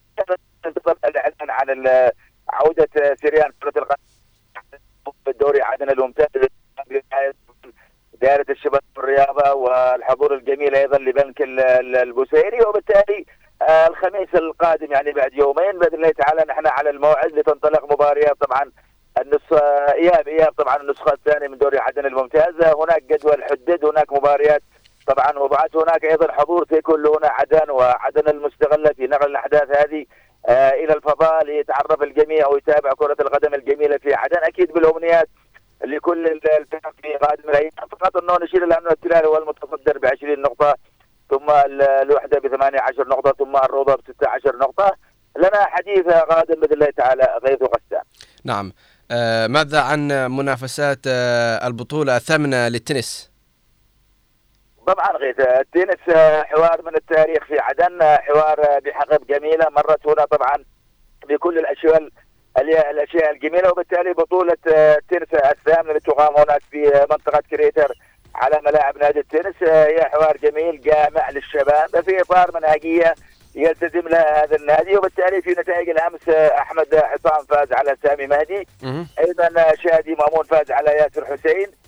مشعل غسان فاز على جمال الحاج عبد الخالق عادل أيضا فاز على ايهم وائل أحمد عصام أيضا على يوسف زهير وأيضا فوز محمد وسيل على عبد الملك وأخيرا محمد عادل على زياد آه، غازي وأحمد الخينة أو الخيبة برفع على محمد نديم. اذا نحن سنتابع المعطيات في المحطات ال- القادمة إلى أن تختم هذه البطولة. نعم نعم. كابتن. آه كابتن آه، طبعا آه، إلى الأخبار الدولية وأيضا آه، يعني آه الصدمة لمحبي نادي ليفربول الذي حاول قدر الإمكان استعادة صدارته في الدوري الإنجليزي. نعم غسان. بعض المباريات غسان الكل ينتظرها لانها آه، حقبة من التاريخ من بوابة الألوان والأندية. بالتالي مباراة أمس ليفربول في الأنفيلد مع الضيف مانشستر يونايتد هكذا البعض ظن أنها ستكون مباراة الجولة باعتبار انها القمة لكن للأسف يعني خيبت الامال لأن. نعم سيطر ليفربول على المباراة لكن لم يمنح قدرته على الذهاب والتسجيل وحسم المباراة مباراة في المعطيات خيبت الامال لأنها كانت فقيرة فنيا انتهت بالتعادل طبعا السلبي آه، نقطة لل- لليفربول نقطة لمانشستر يونايتد لكن الشيء الأهم أنه الأرسنال أمس استعاد التوازن فاز بهدفين خطف الصدارة من ليفربول طبعا جابرييل جيسوس والالماني هافيرز كان سجل هدفي الأرسنال في 53 و57 من ال- وقت المباراة وبالتالي. حوار جميل أيضا في كرة القدم الإنجليزية أستون فيلا أمس أيضا واصل حصاد النقاط والتمسك بالمركز الثالث وفاز أيضا أمس بهدف نظيف وبالتالي نتحدث عن كرة قدم حقيقة جميلة في الدوري الإنجليزي نتابعها بكل المعطيات غسان وأيضا غيث في باقي مباراة تنافس وستهام أيضا اللندني فاز على ولفرهامبتون آه، بثلاثة أهداف نظيفة. آه كابتن آه، ما هي ال- الانتصارات الجديدة التي حققها ريال مدريد أنت ما تعجبكش أصلا يا أخي انتصارات ريال مدريد نعم. لكن ريال مدريد فاز بالأربعة فعلا على فيا ريال هناك في ملعب سانتياغو برنابيو ما أقل هذا ال- ال- ال- النادي الكبير وبالتالي ريال مدريد من خلال بيلينغهام ورودريجو وأيضا دياز ولوكا مودريتش اللاعب الذي مر من 39 عام ومع ذلك امس سجل هدف جميل يضع كرة القدم في حيرة أمام عمر هذا اللاعب الكبير. وبالتالي الأربع أهداف آه، منحت آه، ريال مدريد الصدارة ب 42 نقطة. طبعا صدارة مؤقتة في انتظار مباراة اليوم عندما يلعب جيرونا المتصدر. نبارك لعشاق الريال الفوز آه، والصدارة في باقي المباراة امس ألميريا مع ريال مايوركا صفر لصفر. ريال سويسيداد أيضا مع ريال بيتيس بنفس النتيجة. لاس بالماس مع قادش أيضا آه، بهدف آه، لهدف. آه كمان من ضمن الانتصارات يوم آه أمس آه كابتن آه ما ننساش آه إنه أمس إنتر ميلان حقق آه فوز آه يعني آه قوي جدا أمام آه لاتسيو نعم غسان. طبعا الفوز على لاتسيو في آه، العاصمة روما وأنت فريق ضيف. تؤكد إنه الإنتر ميلان أفضل فريق إيطالي حاليا. يمتلك شخصية اللاعبين يمتلك شخصية المدرب يمتلك شخصية العلاقة. ما بين هذا وذاك وبالتالي لاوتارو مارتينيز طبعا الهداف الأرجنتيني الجميل كان سجل الهدف الأول في الدقيقة 40 ثم ماركوس تورام الفرنسي الشخصيه أيضا الجنسية سجل الهدف الثاني وبالتالي الإنتر في اجمل صوره 41 نقطة يوسع الصدارة أيضا مع الملاحق اليوفنتوس الذي كان فرط في نقطتين في هذه الجولة وبالتالي في باقي المباريات أمس آه، ميلان فاز على مونزا بثلاثة أهداف آه، أودينيزي مع ساسولو هدفين لهدفين. فورنتينا أيضا آه، هدف آه، على حساب آه، هلال فيرونا. بولونيا أيضا امس سحق فريق روما بهدفين نظيفين. اذا حكاية جميلة في المنافسة في الألوان في الحسابات آه، في الدوري الإيطالي. لن نفرط فيها غسان. سنتابعها بكل التفاصيل في الأيام القادمة. نعم كابتن. طبعا آه، من ضمن الأخبار الدولية كانت كلها إيجابية تقريبا آه، تحقيق آه، نصر نصر إلى الآن لكل الأخبار. ولكن للأسف الشديد باريس سان جيرمان كانت للأسف الشديد يعني في آه، آه، سيئة جدا وخيبت آمال كثير من الناس. حدثنا عن هذه المباراة كابتن. نعم باريس طبعا حاليا وإن كان تعادل امس غسان لكنه في صورة أفضل باعتبار إنه ضمن صدارة ال- الذهاب حتى قبل أن يخوض مباراة الأمس وبالتالي سقط أمس باريس هكذا أمام مضيفي ليل بهدف لهدف كان كيليان مبابي سجل الهدف ال- الأول لباريس في الدقيقة 66 من ركلة جزاء لكنه جوناثان دافيد أدرك التعادل في الوقت القاتل يعني في الدقيقة الرابعة من الوقت البديل وبالتالي آه، نقطة آه، أبقت طبعا الصدارة في باريس سان جيرمان ب 37 آه، نقطة. ننتظر إجازة ما بين الدورين ثم نذهب إلى حوار متجدد مع الليغا الفرنسية. سنتابعها أنا وأنت غسان وغيث وباقي الشباب في هنا حتى كابتن دعنا نذهب قليلا إلى الجولة الخامسة من الدوري الألماني ونعرف المستجدات فيه. طبعا في ألمانيا هناك فريق يقدم هويته بشكل أجمل ما يكون باعتبار أنه بايرن ليفركوزن مع مدربه تشافي. يعني يقدم حضور جميل. لا يخسر آه، 24 مباراة لم يخسر أي مباراة. كان تعثر في جولتين بالتعادل خسر أربع نقاط لكن أمس تعافى وفاز على باير يعني آه آينتراخت فرانكفورت الذي كان فاز على بايرن ميونخ بخمسة أهداف. وبالتالي عودة من الباب الكبير آه ما زالت الصدارة طبعا مع باير ليفركوزن ب 39 نقطة. لكن بفارق نقطة وحيدة عن بايرن ميونخ أيضا اللي تعافى أمس وفاز على شوتغارت ب 30 نظيفة وبالتالي حوار المنافسة هو طبعا آه بايرن ليفركوزن بايرن ميونخ. من سيواصل النهج؟ من سيمتلك النفس الطويل؟ من سيذهب إلى أنه يتوج؟ هل يستطيع؟ طبعا بايرن ليفركوزن مواصلة النهج آه، تحدي قدرات آه، وأموال وتاريخ بايرن ميونخ. كل هذه معطيات نحن سنتابعها في الأيام القادمة. نعم كابتن خالد هل هناك مباريات لهذا اليوم؟ اليوم مباريات ولدينا نحكي عرب مباراة مهمة جدا غيث طبعا ستكون في التاسعة بتوقيت الحبيبة عدن. هناك الفلومينزي البرازيلي طبعا بطل أمريكا الجنوبية يواجه الأهلي المصري العربي الذي نتمنى له كل خير. الأهلي كان أقصى الاتحاد السعودي بثلاثية نظيفة لكن بثلاثية هدف.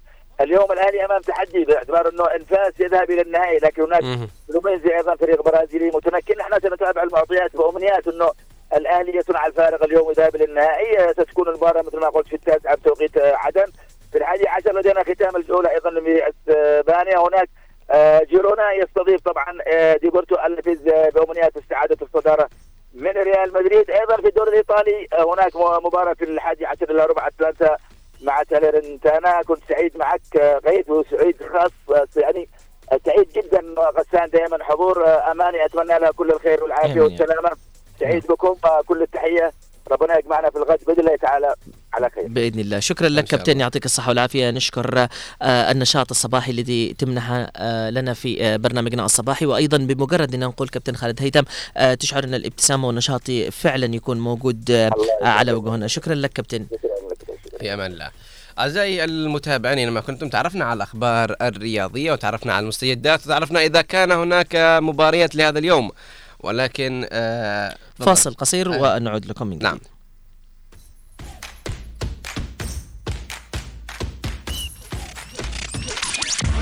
هنا هنا عدن هنا عدن اف ام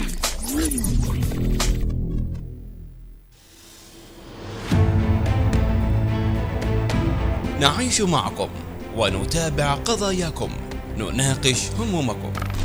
المواطن أو المستمع يقول لك يعني نسمع عن كذا كذا وكيل وكلا وكلا بالكيلو.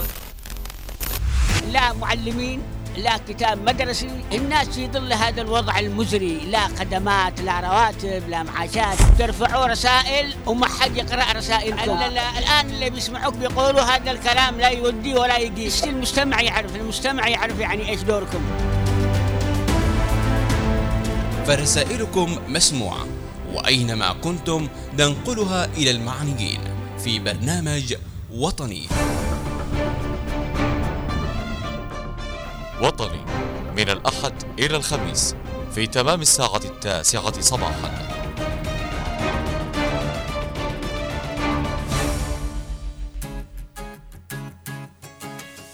يا حبيبي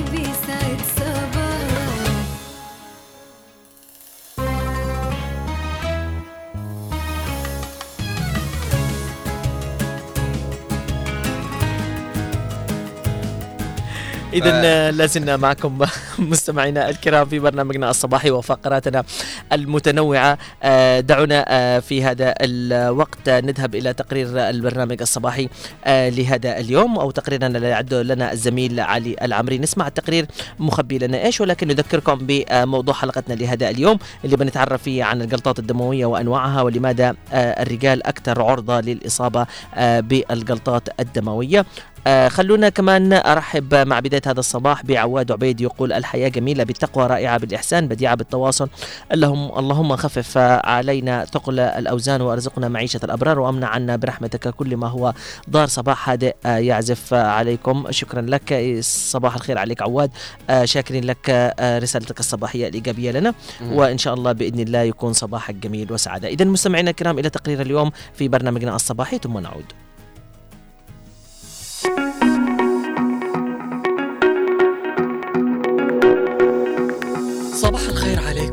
مستمعينا الأحبة تحية صباحية لكم. مستمعينا مستمعي إذاعة هنا عدن اف ام وكذا مشاهدينا على قناة عدن المستقلة.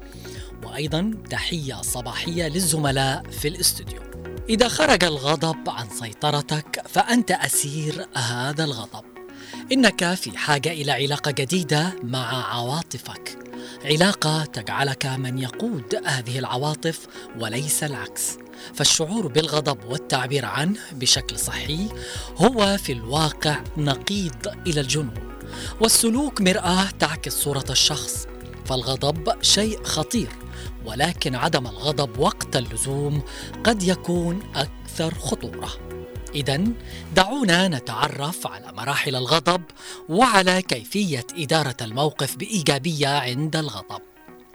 عندما تشعر بالغضب فأنت تمر بخمس مراحل وهي بداية الغضب وزيادة الغضب وشدة الغضب والتشويش والاعتذار. ففي بداية الغضب مثلا أنت تفسر الموقف كأن لا يرد عليك السلام أحدهم عندما تسلم عليه. وزيادة الغضب تكون عندما تفسر عدم سلامه بأنه قاصد له وتأتي شدة الغضب بأنك كرهته وحقدت عليه لأنه أهملك ثم تأتي هذه المرحلة بأن تشتمه أو تضربه وتأتي بعدها مرحلة التشويش وذلك بأن تتنبه لما صدر منك ولكنك لست مدركا تماما للموقف.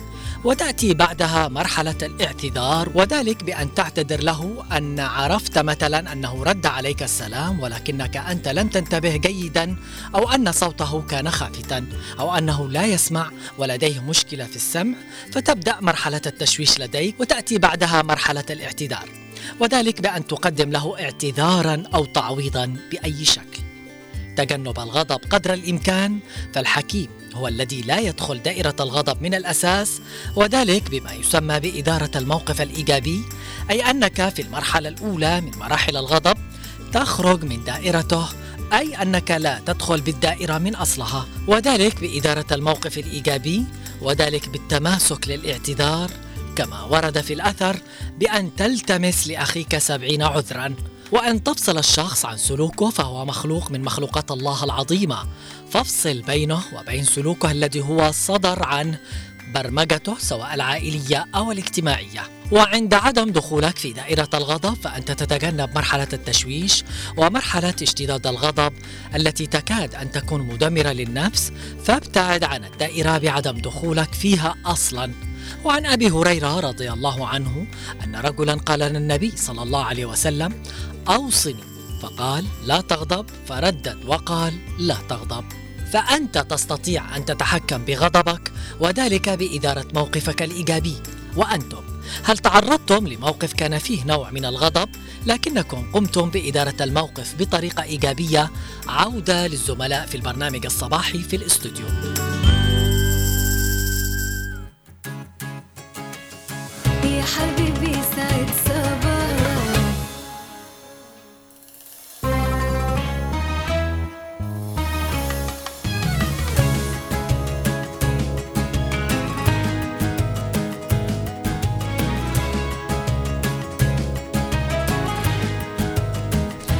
يعني سبحان الله كان موضوعنا حق رسالة الصباحية أيوه.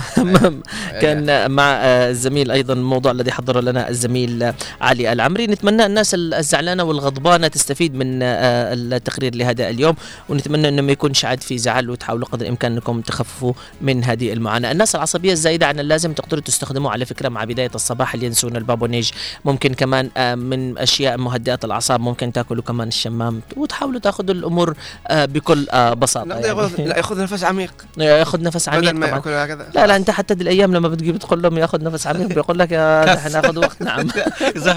أنا معصب دلوقتي.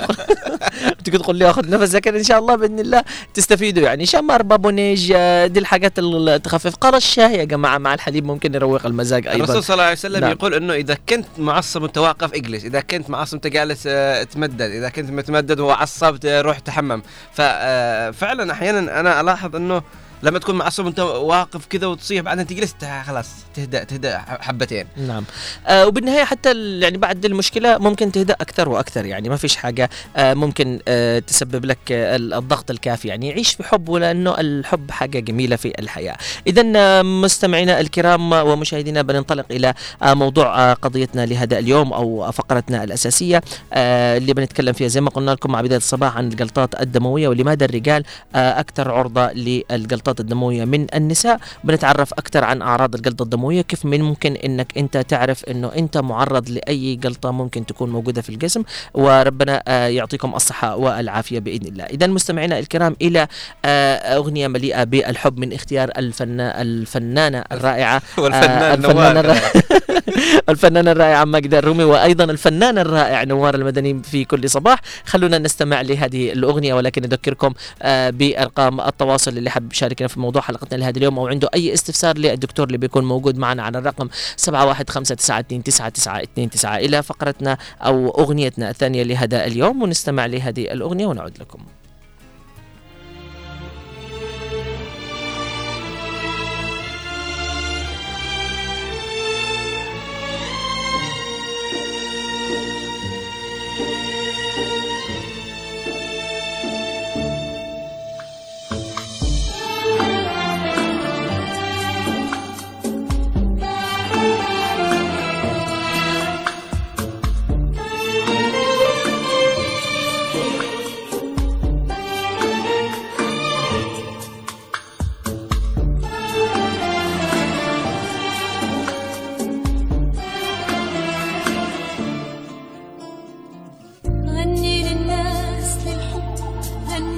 غني غني لك القلب. غني لي غني غني لك في الدرب. غني لي غني. غني لي غني.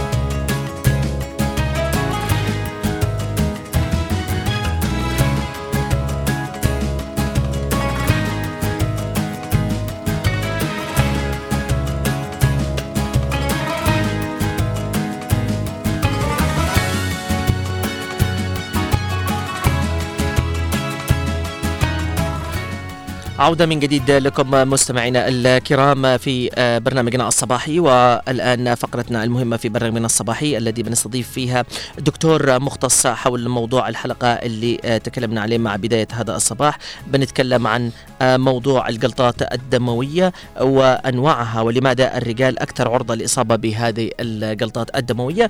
دعونا في بداية هذا الصباح. نرحب بالدكتور عبد الله الهدار قبل- طبيب الطوارئ. نعم. قبل أن ي- نرحب فيه خلونا أعزائي المتابعين نأخذ لفة بسيطة ونبدأ ن- نعرف أو نقرأ عن موضوع الجلطات آه، الدماغية أو آه، بما يسمى لها لها أسماء أخرى إنه آه، بشكل عام إنه لها أكثر آه، من مصطلح أيوه يعني. لها أكثر من مصطلح أو يسمى بالسكتة الدماغية أو الجلطة الدماغية طيب آه كنظرة عامة إذا حبينا نعرف عنها يقال إنها تحدث السكتة الدماغية اللا فقاريه عندما تنقطع إمدادات الدم عن جزء من الدماغ أو تنخفض.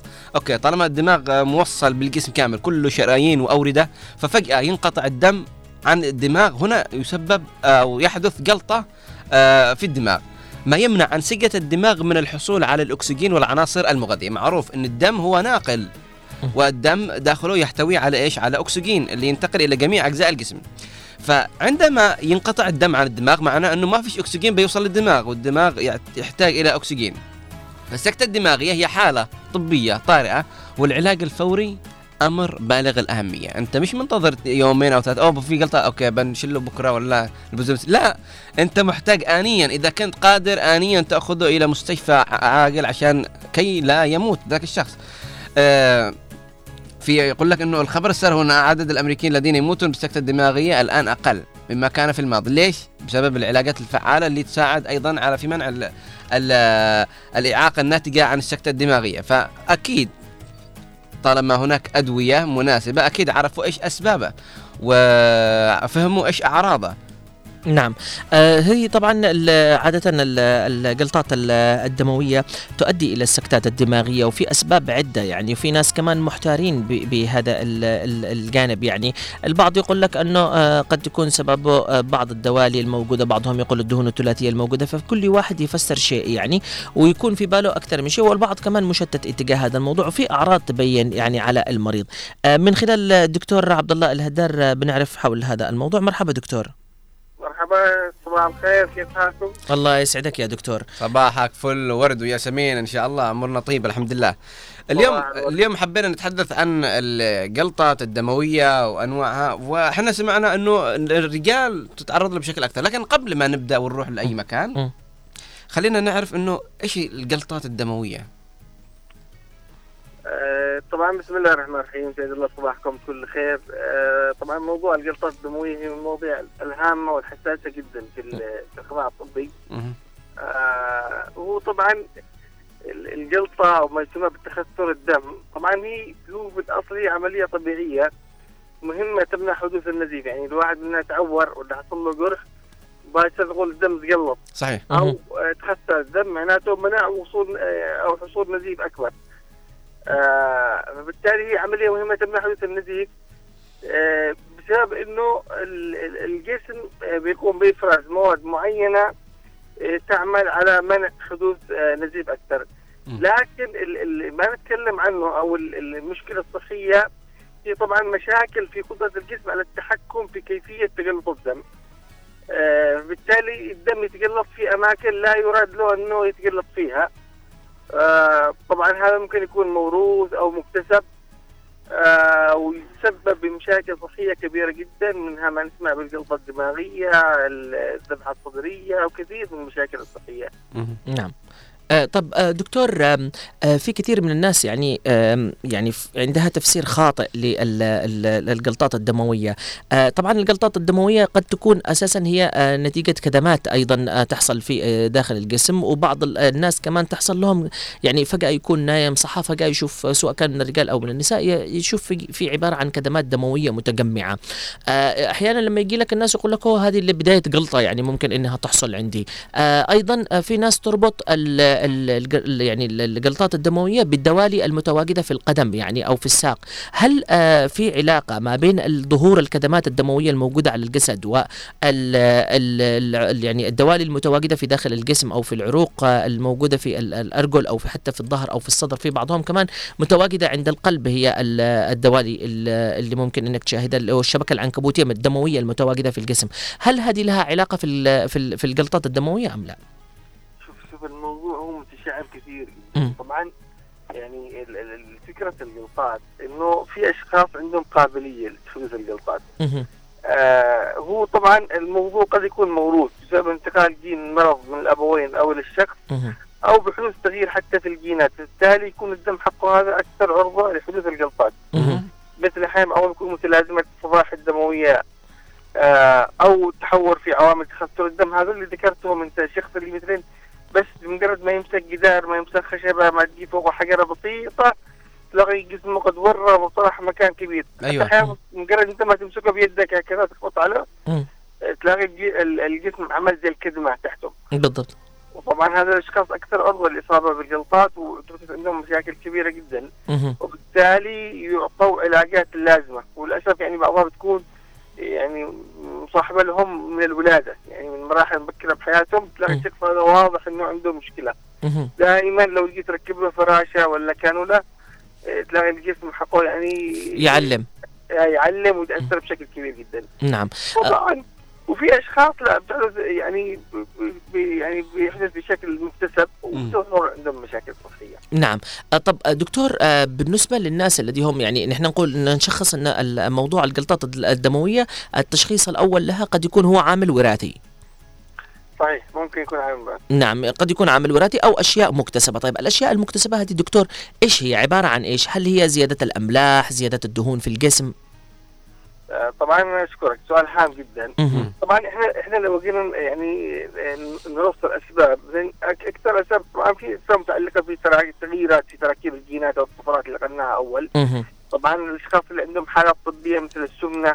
أو اضطراب المناعة الذا- الذاتية بعضهم يسموها الذؤيبة الحمراء إذا نعم. عليها عند النساء أيوه بالضبط والله عندهم ذؤيبة هذول برضو أكثر قابلية الأشخاص اللي هم يعني عندهم دائما وظائف وأعمال عدم الحركة لفترات طويلة. أيوه آه، أو الأشخاص اللي هم بعد الجراحة نسمع بعد الجراحة يقول لك حرك رجولك حتحرك. عشان ما توقعلكش جلطه هذا واحد من الأسباب نعم أو بعض الأشخاص اللي يأخذوا أدوية لعلاج السرطانات أو اضطرابات النزيف.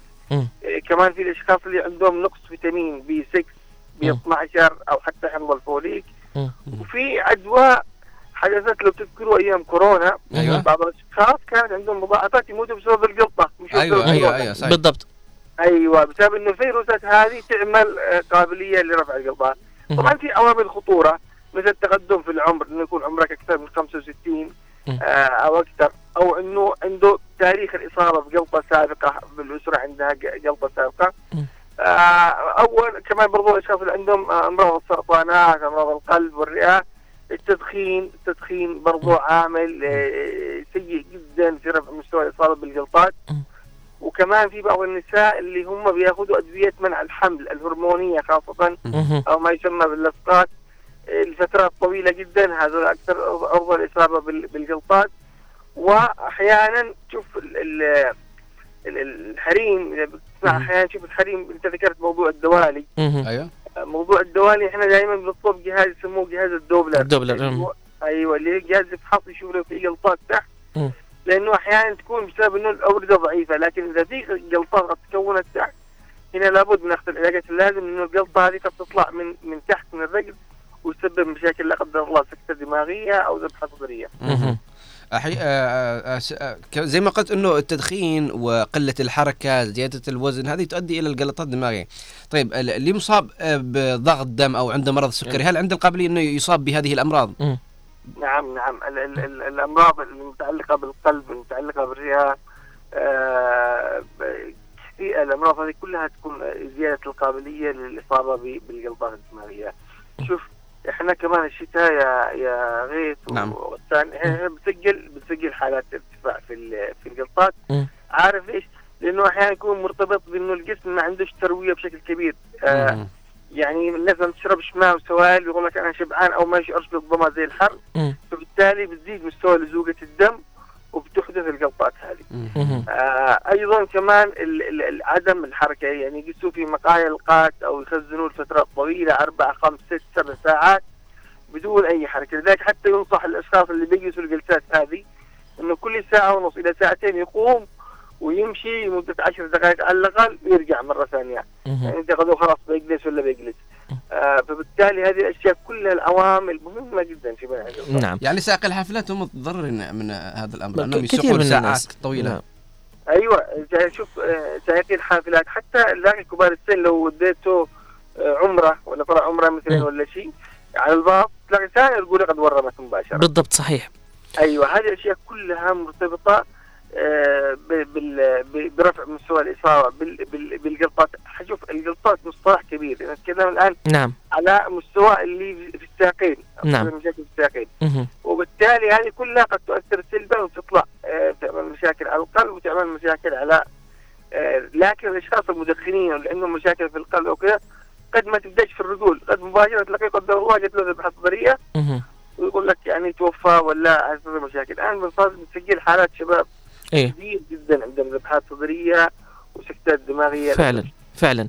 آه، حالة آه، ازدادت بشكل كبير جدا خاصة عند الشباب آه، دكتور خاصة إنه كمان يعني في عوامل مش فقط التدخين يعني كمان السهر عند الشباب زائد التدخين زائد كمان التفكير الزائد دي كلها على بعضها تجمعت فقلت لهم يعني بشكل مفاجئ وسرعت مسألة يعني حدوث المرض هذا عندهم.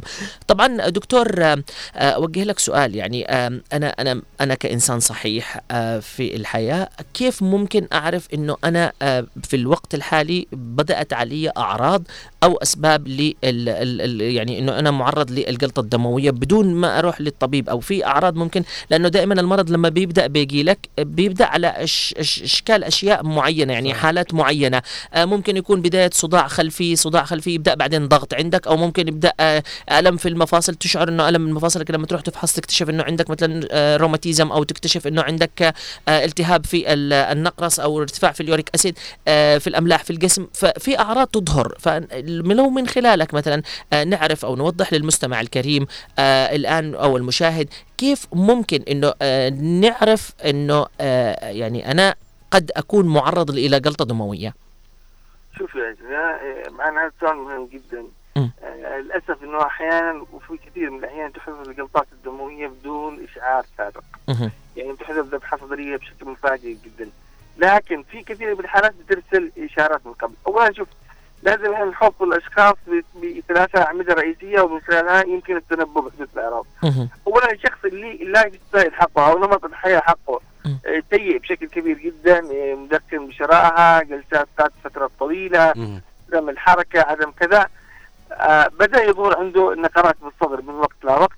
بدأ يظهر يظهر طبعا للأسف ضغط الدم هو من الأمراض يسموه silent killer. يعني قاتل الصامت أحيانا يكون ما فيش أي أعراض عند ضغط الدم أو ارتفاع ضغط الدم وفجأة يعني تطلع عنده مضاعفات أو مشاكل ضغط الدم. فبالتالي الإحساس بصداع دائم مستمر في الجسم زغللة خلف ال- ال- ال- العينين ألم في الرقبة مرتبطة بالرأس. وفي بعض الأعراض أحيانا تكون صامتة لكن إحنا بننصح الأشخاص اللي عندهم نمط حياة غير صحي بعمل فحوصات روتينية تمام ومحاوله دائما إنه إيش إنه يعني يغيروا من نمط حياتهم. في أحيانا الاشخاص اللي عندهم الأمراض المزمنة اللي ذكرناها مثلا أنت كشاب صحيح طبعا احتمالية الجلطه أقل عندك بشكل كبير جدا.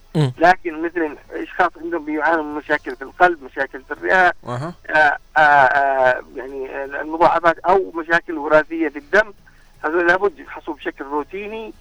بقدر الإمكان ياخذوا حتى بعضهم بيكتب لهم إسبرين بيكتب لهم أدوية طبعا أنا ضد الأشياء اللي بتقول مثلا إنه الأشخاص بعد بعد 40 سنة لازم ياخذ إسبرين. هذه طبعا هذا كلام مش صحيح.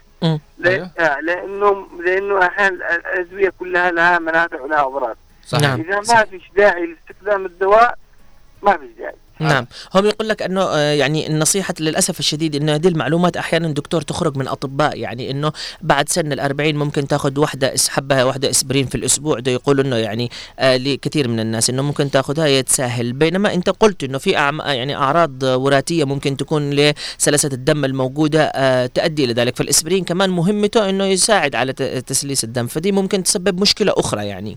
أيوه يعني إحنا إحنا ناخذ المريض بشكل شخصي. يعني إحنا لو فتحنا الموضوع هذا تصير الناس كلها تبلع اسبرين، الاسبرين صحيح. صحيح. تعرف إنه بيعمل حرقان في المعدة وبيعمل قرحة المعدة عند كثير من الأشخاص،.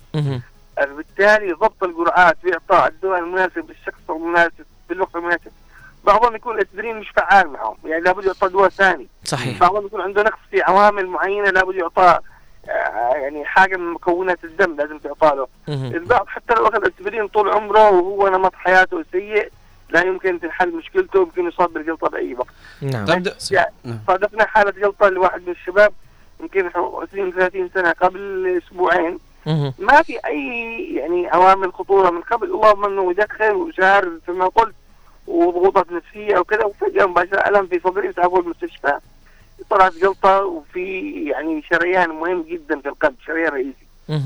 طيب دكتور عبد الله إحنا. آه زي ما يعني زي ما قلت ان إنه عشان نقي نفسنا من إنه نصاب بالجلطات لازم إن إحنا ننتظم في الأكل وما نظل بمكان لأكثر من ساعتين دون حراك.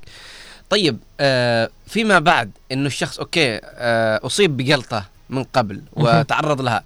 فيما بعد إنه خلاص كيف ممكن يتعايش مع هذا الأمر؟ كيف ممكن إنه يحاول إنه يقلل من اصابته مرة أخرى بهذا الأمر؟ نعم وخاصة عفوا دكتور بس أضيف لك على كلام غيث لأنه خاصة في بعض الناس مصابين آه، بجلطتين إلى ثلاث جلطات ولا زالوا آه، يعني آه، الآن مستمرين في أيوة. حياتهم يعني. بس هل يعني في في وقاية لأنه في بعض الناس كمان يعني واخد المرض إنه أنا بيجي لي مثلا جلطة خلاص معناته إنه أنا ممكن أروح أنا أنا ممكن أموت يعني كده في باله. لكن في مرض ممكن نتعايش معاها حتى السرطان ممكن إنك تتعايش معه فكثير من الناس يعني اللي ممكن يكونوا أصابوا لمرة أولى جلطة أو مرتين أو ثلاث مرات كيف ممكن يتعايشوا مع المرض؟ والله شوف الأشخاص اللي يصيبوا بشوف الجلطه سبحان الله من الله يعني بترسل زي الإنذارات. أحيانا تسمع إنه في واحد صابته جلطه وانفكت. تسمع على كذا مم. فكت يده اليمين واليسار وبعدين قالوا خلاص آخر اليوم فكت يده ورجع طبيعي. في بعض الأشخاص لا بتظهر عنده أثر يعني بتظهر يده اليمين واليسار ضعيفة أو ال- العكس. فاهم علي؟ أيوة. فبالتالي حدوث الجلطات هذه هي عوامل إنذار ولابد تؤخذ بعين الاعتبار، لابد الأشخاص يعني يتخذوا إجراءات صحيحة تغيير نمط حياتهم لعدم حصول أو تكرار جلطات أكبر في الوقت ال- القادم. اولا ينبغي تغيير نمط الحياة، التدخين العادات السيئة هذه لابد من تغييرها إذا كان عنده بقى عنده آه يعني بعض ال- بعض الأشياء والعادات السيئه اللي كان يفعلها الفترة الماضية لابد من تغييرها. اثنين لابد المتابعة عند طبيب باطني أو طبيب أعصاب. آه، متمكن بحيث انه يوصف له الأدوية اللازمة التي تمنع حدوث الجلطات. هذه مرة ثانية. لابد التحكم في الجهد والتوتر والقلق والبعد عن الأماكن اللي بتسبب ضغط نفسي كبير. أنا عارف الوضع عندنا يعني كله ضغط نفسي لكن مع ذلك لابد البعد من الأماكن اللي بتسبب لك توتر بشكل كبير. لأنه التوتر بيرفع إنزيمات معينة في الجسم وكلها بتنعكس سلبي وبترفع مستوى الجلطات نعم طبعا بعض الأشخاص اللي عندهم مشكلة في في الرجول أو بداية جلطات في الرجول بعضهم ينصحون بارتداء جوارب. تحسن تدفق الدم وبعضهم ينصحون بتناول أدوية تقليل مخاطر الجلطات أيوة. ومضادات التكسر مم. طبعا مثل ما قلنا الجلوس لفترات طويلة من الوقت لأكثر من أربع ساعات يجب التجول كل ساعة أو ساعتين حتى مع تمرين الساعة بين الجلوس. آه، ومع تغيير النمط الصحي كثير من الأشخاص الحمد لله يعني يصيبوا بجلطه واحدة وبعد كذا ما قلت لهم يعني آه، أي جلطه لمدة خمس سنوات في حياتهم يعتبر شيء طيب يعني يعتبر إنه شخص هذا حافظ.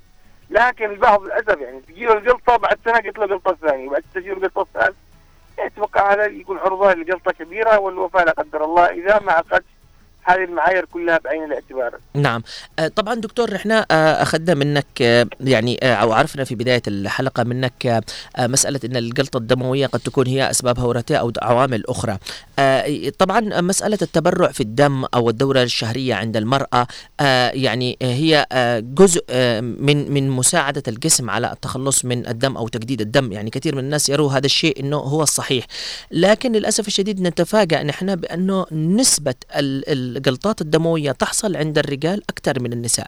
هل في سبب معين دكتور لهذا الموضوع؟ يعني أنا أنا سؤالي شقين لك. الشق الأول يعني مسألة التبرع الدم الشهرية الشهرية. عند المرأة. هل هي آه، يعني عامل مساعد لنجاتك من آه، ال- الجلطات الدموية؟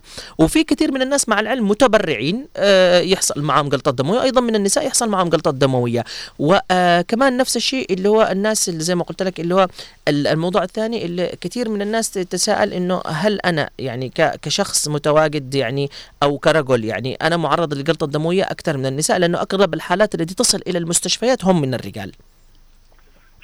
آه، إحنا لو جينا نفصل الموضوع بشكل أدق. طبعا هي اللي ما نسمعه عن الجلطات هو موضوع أكثر شيء اللي هو صار فيه رجال موضوع الذبحات الصدرية. الذبحات الصدرية هي طبعا جلطة جلطة بتصيب ال- شريانات القلب. بالضبط نعم. وبالتالي بتمثل مشاكل. عندهم سواء قلت له أزمة قلبيه قلت له ذبحات صدرية هاي طبعا مرتبطة عند الرجال بعوامل كثيرة جدا مش فقط متعلقه بمستوى كثافة الدم اللي تقول أنت إنه هو موضوع التبرع.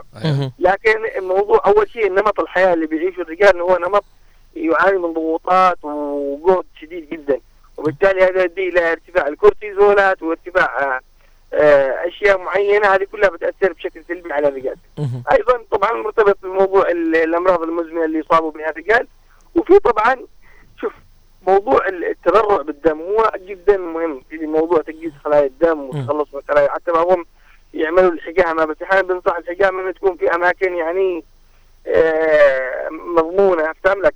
لأنه يعني كثير ال- المقاولين بالمهن هذه للأسف شديد يعني يستخدموا أدوات يعني للرحية لكن آه، في بالن- بالنسبة للنساء طبعا هم أقل عرضة لل- لل- للجلطات شوف مش بسبب موضوع الدورة الدورة الشهرية يعني يمكن تكون تلعب لكن ما هيش العامل الرئيسي هي السبب إنه النساء طبعا أقل عرضه كمان لحدوث الض- ال- الضغوطات النفسية الأمراض المزمنة وكثير من الأشياء اللي بتحدث عند الرجال بتعمل لهم عوامل. كذلك يا دكتور نقول العادات إنه ما يدخنوش كثير ما آه، يأكلوش كثير زي ما يعني ما يتحركوش في داخل المنزل أو أيوة. يتحركوا في المنزل بشكل- النساء يتحركوا بشكل كبير. لكن شوف النساء للأسف عندهم مشاكل أحيانا اللي بيتناولوا أدوية منع الحمل الهرمونية هذه.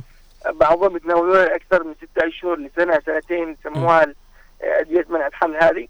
آه هذه بتؤدي زيادة في ارتفاع مستوى تجلط الدم. حد دائما بينصح إنه يقطع حتى النساء.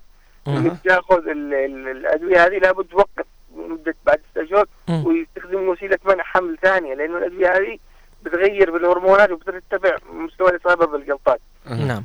ال- ال- الموضوع طبعا متشعب كثير يعني أنا نعم. نحاول كذا نلمه بشكل أبسط. نعم. لكن لابد من عمل الفحوصات الروتينية للأشخاص اللي هم عارفين إنه أبوه عنده جلطات أو عندهم يعني مشاكل في العين لابد من عمل فحوصات روتينية.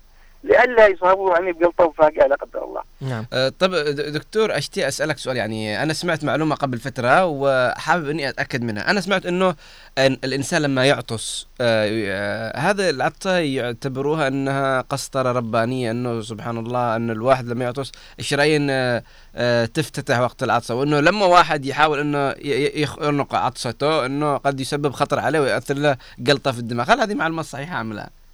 آه، طبعا مش جلطه في الدماغ. لكن إنه آه، آه، طالع شوف الجسم سبحان الله التثاؤب والعطف زي ما ذكرت والسعال. هذه كل أشياء وسائل بنائيه تستخدم في الجسم طبعا مشكلة كظم العطفه إنه بيؤدي إلى يعني رفع الضغط الداخلي بشكل أكبر وبيؤدي إلى مشاكل أكبر. طبعا حتى شوف ال- الأشخاص اللي تسمع عندهم حزر أيوه. اللي يكون عندهم عطاس يعني عاص عاص بشكل كبير جدا. بتزيد عندهم الإصابة بمستوى أها. لو لقيت أيوه. دائما حاب ننصح الاشخاص اللي عندهم شوف الأشخاص اللي عندهم تحسس دائما يعطشوا يعطشوا. لأنه يرتفع مستوى ضغط البطن تحس من ما تعطش كيف. أيوه أيوه صحيح. العصب تتحرك أيوه. أو الكحة. لما تكح تقعد فترات طويلة. آه بالتالي إحنا بننصح أول انه يضبط مستوى التحسس اللي عنده وال- والكحة اللي عنده وبعدين نعالج الهزر لأنه لو تسوي له عملية أحيانا وهو مكانه يرفع مستوى ضغط ال- الجسم من الداخل بسبب العطاس أو السؤال هذه. آه بترجع مرة ثانية وبتحدث عنده الاصابه متكرره لكن إحنا دائما ما ينصحش بمسك العطاس لا, لا, لا, لا أنا مش عارف ليش تقول عطاس يستحوا يا أخي حط يدك أمام أمام أنفك. و... و... وعطس يعني إيش المشكلة بس لا فوق الناس وينقلوا الفيروسات وكذا. طب أنا في- لكن هو مش مش. موضوع الجلطات الدماغية ولا نعم. آه، دكتور آه، معلش أنت تكلمت على فحوصات ممكن ال ال ال الناس تروح تعملها بشكل دوري. آه، ممكن يعني من خلالك نعرف إيش نوعية الفحص الذي ممكن الناس تعرف من خلاله يعني إنه هو معرض للجلطة الدموية أو لا؟ إحنا إحنا بسبب تكلفة الفحوصات دائما أنا نحرص بالطوارئ وكذا. إنه نبدأ بالفحوصات ال simple بسيطة جدا. واللي هي أقل تكلفة نعم. يعني ممكن نبدأ نعرف من فحص ال CBC. الفحص البيطري أه. نسبة الدم بالنسبة للشخص هذا طبعا آه، طبعا إحنا نفحص ونشوف الأعراض الكلينيكية لأن الموضوع بس بالضبط. فاهم يعني فنربط الموضوع مع بعض. موضوع ال CBC بالنسبة للأشخاص اللي عندهم مشكلة هذه بيبين لك مستوى الصفائح الموجوده مستوى نسبة الدم هل هو عنده مثلا ما يسمى اللي هو ارتفاع نسبة الدم ل... أو مستويات عالية. أو نقصان الدم. آه وبعد بيط- بيطلبوا موضوع العوامل اللي لها علاقة بالتجلط حق الدم في فحص اسمه ال PTT وال PTT ال PTT. أيوه أيوه اللي له علاقة بمستوى ال- آه، التخثر هل الجسم بي- بيتخثر بشكل آه، كويس أو لا وعلى ضوءه بيتم ضبط مجموعة من الأدوية وفي بعض الفحوصات تشبع شوف أنا الموضوع ال- الجلطات الدماغيه ينصح على حسب ال- الفحص الكلينيكي. الطبيب لو هو ذكي يطلب الفحص الضروري فقط للشخص هذا. نعم. لكن هذه اشهر الفحوصات ال CBC ال BC ال B والعوامل اللي هي لها علاقة بالتجلط. نعم. آه. اذا دكتور آه آه، إيش ال ال ال- الرسالة اللي ممكن آه توجهها للناس الذي آه يعني آه مت يعني مصابين في مرض ال- ال- اللي هي الجلطات الدموية؟ آه أو ال- النصائح اللي ممكن تقدمها يعني من خلالك أنت دكتور آه، يعني تستقبل حالات كثيرة في الطوارئ. آه يعني إيش النصائح اللي ممكن تقدمها للشباب تقدمها للناس علشان يتجنبوا خطر الإصابة آه، في مرض الجلطه الدم- الجلطه الدموية؟ والله شوف أنا أشكرك على طرح السؤال هذا. إحنا للأسف الفترة الشديدة الفترة الأخيرة إحنا بنصادف حالات كثير بين الشباب خصوصا الجلطات عندهم لا قدر الله. وهذه الأشياء وهذه ال- ال- ال- ال- ال- ال- مؤشر خطر كبير جدا. إحنا دائما أول شيء بيصح بعمل تغييرات صحية في نمط الحياة. اختيار الأطعمة الصحية مثل الفواكه والخضروات والحبوب الكاملة كجزء آه، من خطط الأكل الصحية ضروري جدا ومهمة. أيضا كمان مهم آه، عمل الفحوصات المنتظمة قلت للأشخاص اللي عندهم عرضه للاصابه بال- بالجلطات هذه. آه، ممارسة النشاط البدني وهذا شيء غايب أو عندنا مش مهتمين فيه بالناس بشكل كبير جدا. آه، علاج الحالات طبعا أو العوامل أو الأمراض اللي ممكن تسبب جلطات دماغية. آه، سكري أمراض القلب الأوعية الدموية هذه كلها لابد من علاجها الحرص على تناول كميات كافية من الماء أثناء اليوم حتى ولو لو لم تشعر بالظمأ هذا مهم جدا. وأهم حاجة بالنسبة لنا وفي بلدنا هنا التحكم في الجهد والتوتر. شوف الجهد نعم. والتوتر والقلق وارتفاع الكورتيزولات في الجسم يسموها بيئات العمل المسمومة أو بيئات ال- الدراسة المسمومة اللي فيها ضغط نفسي رهيب يجي لك يعني معلمين آه، بلا أخلاق وبلا فهم ويضغطوا على الطلاب وعلى الشباب نفسيا أو في آه، بيئات العمل. هذه كلها أشياء يجب البعد عنها وتجنب الضغط والتوتر. أو إنه يكون الشخص شخصيته هادئ وما يفكرش كثير. لكن المشكلة إنه الشعب حقنا يفكر كثير ويأخذ الأمور بشكل جدية وبالتالي ترتفع عنده الهرمونات هذه ويصير عنده وكلها ترجع بشكل آه، سلبي عليه. آه نشكرك آه، جزيل الشكر دكتور عبد الله الهدار. آه كان حديث شيق ورائع معك. نتمنى لك الصحة والسلامة ونتمنى الصحة والسلامة لكل المواطنين الأعزاء. بإذن الله تعالى يوم سعيد وجميل لكم جميعا إن شاء الله. ولك يا دكتور. أسعد إن شاء الله. شكرا للدكتور عبد الله الهدار طبعا طبيب عام وطبيب طوارئ أيضا. يعني دكتور وضح أشياء كثيرة ممكن الناس ونتمنى أن نكون وصلنا رسالة. يعني آه. الناس كثير يعني آه، كان في عندها تساؤلات عن موضوع الجلطات الدموية. نحن تكلمنا عن مسألة الكدمات التي تظهر على الجسم. تكلمنا على مسألة الدوالي الموجودة. هل هي سبب من الأسباب اللي بتكون موجودة؟ تسألناه كمان عن مسألة الجلطه الدموية كيف ممكن إن تعرفها وقال وقال إن للجلطات الدموية أشكال. يعني الذبحة الصدرية هي جلطه دموية السكتة القل- الدماغية آه، هي جلطه لا. دموية السكتة القلبية هي جلطه دموية. كلها عبارة عن جلطات متواجدة في داخل ال- الجسم. لكن آه، يعني يجب علينا الانتباه له بشكل كبير جدا. هو تكلم كمان على مسألة ال- يعني العوامل أو الدوافع اللي ممكن تؤدي إلى ذلك. ويعني آه، تكلم على أشياء كثيرة. لكن في حاجة وضحها بالبداية قبل ما أدخل في دخل في العوامل قال إنه الجلطه الدموية هذه قد تكون شقين أسباب إصابتك فيها اما إما هي وراثية ناتج عن يعني. جينات وراثية أم إنها أشياء مكتسبة والأشياء المكتسبة سيئة، آه، أيوة. وعادات سيئة منها وأهم شيء ذكره أكثر من مرة واشدد عليه مش بس الجلوس ال- ال- النساء خاصة المستخدمات للدواء الحمل. منع الحمل نعم. يعني كل من هو الآن يسمعنا يعني يعطي آه، لزوجته هي الحلول لمنع الحمل أو أشياء مثل هذه من الأدوية أو النساء الذي يستخدموا هذا ال- الدواء قال بعد ستة شهور يجب توقف هذا الدواء بشكل كبير جدا. تكلم عن السمنة الزائدة تكلم عن الدائبة الحمراء اللي ممكن تصيب النساء لكن المسألة أنه التبرع بالدم قال هو ممكن يكون مساعد. الدورة ال- الشهرية بالنسبة للمرأة ممكن تكون هي عامل مساعد ولكن هي مش ال- الأساسي اللي ممكن أنها تمنع هذا الشيء. قال الرجال عرضة أكثر نتيجة الضغوط النفسية الذي يعانوا منه. الروتين الممل اللي ممكن يكون التدخين هو واحد من الأسباب الذي ممكن يعرضك للدورة الدم الجلطات الدموية اللي ممكن تبدأ من الرجل أو ممكن أنها تبدأ من القلب مباشرة يعني. تنتقل نعم. فبكذا ختمنا آه آه،. حلقتنا لهذا اليوم. أيوه لكن آه، بس أذكركم الناس عشان تحط المعلومة هذه عندها.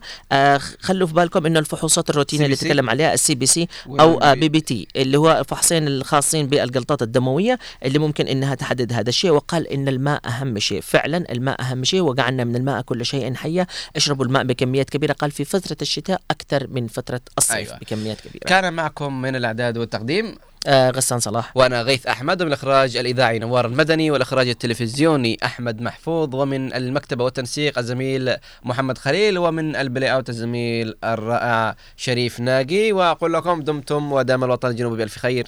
إلى اللقاء. يا حبيبي سعد صباح. الصباح نور وبهاء. يا حبيبي سعد صباح. الصباح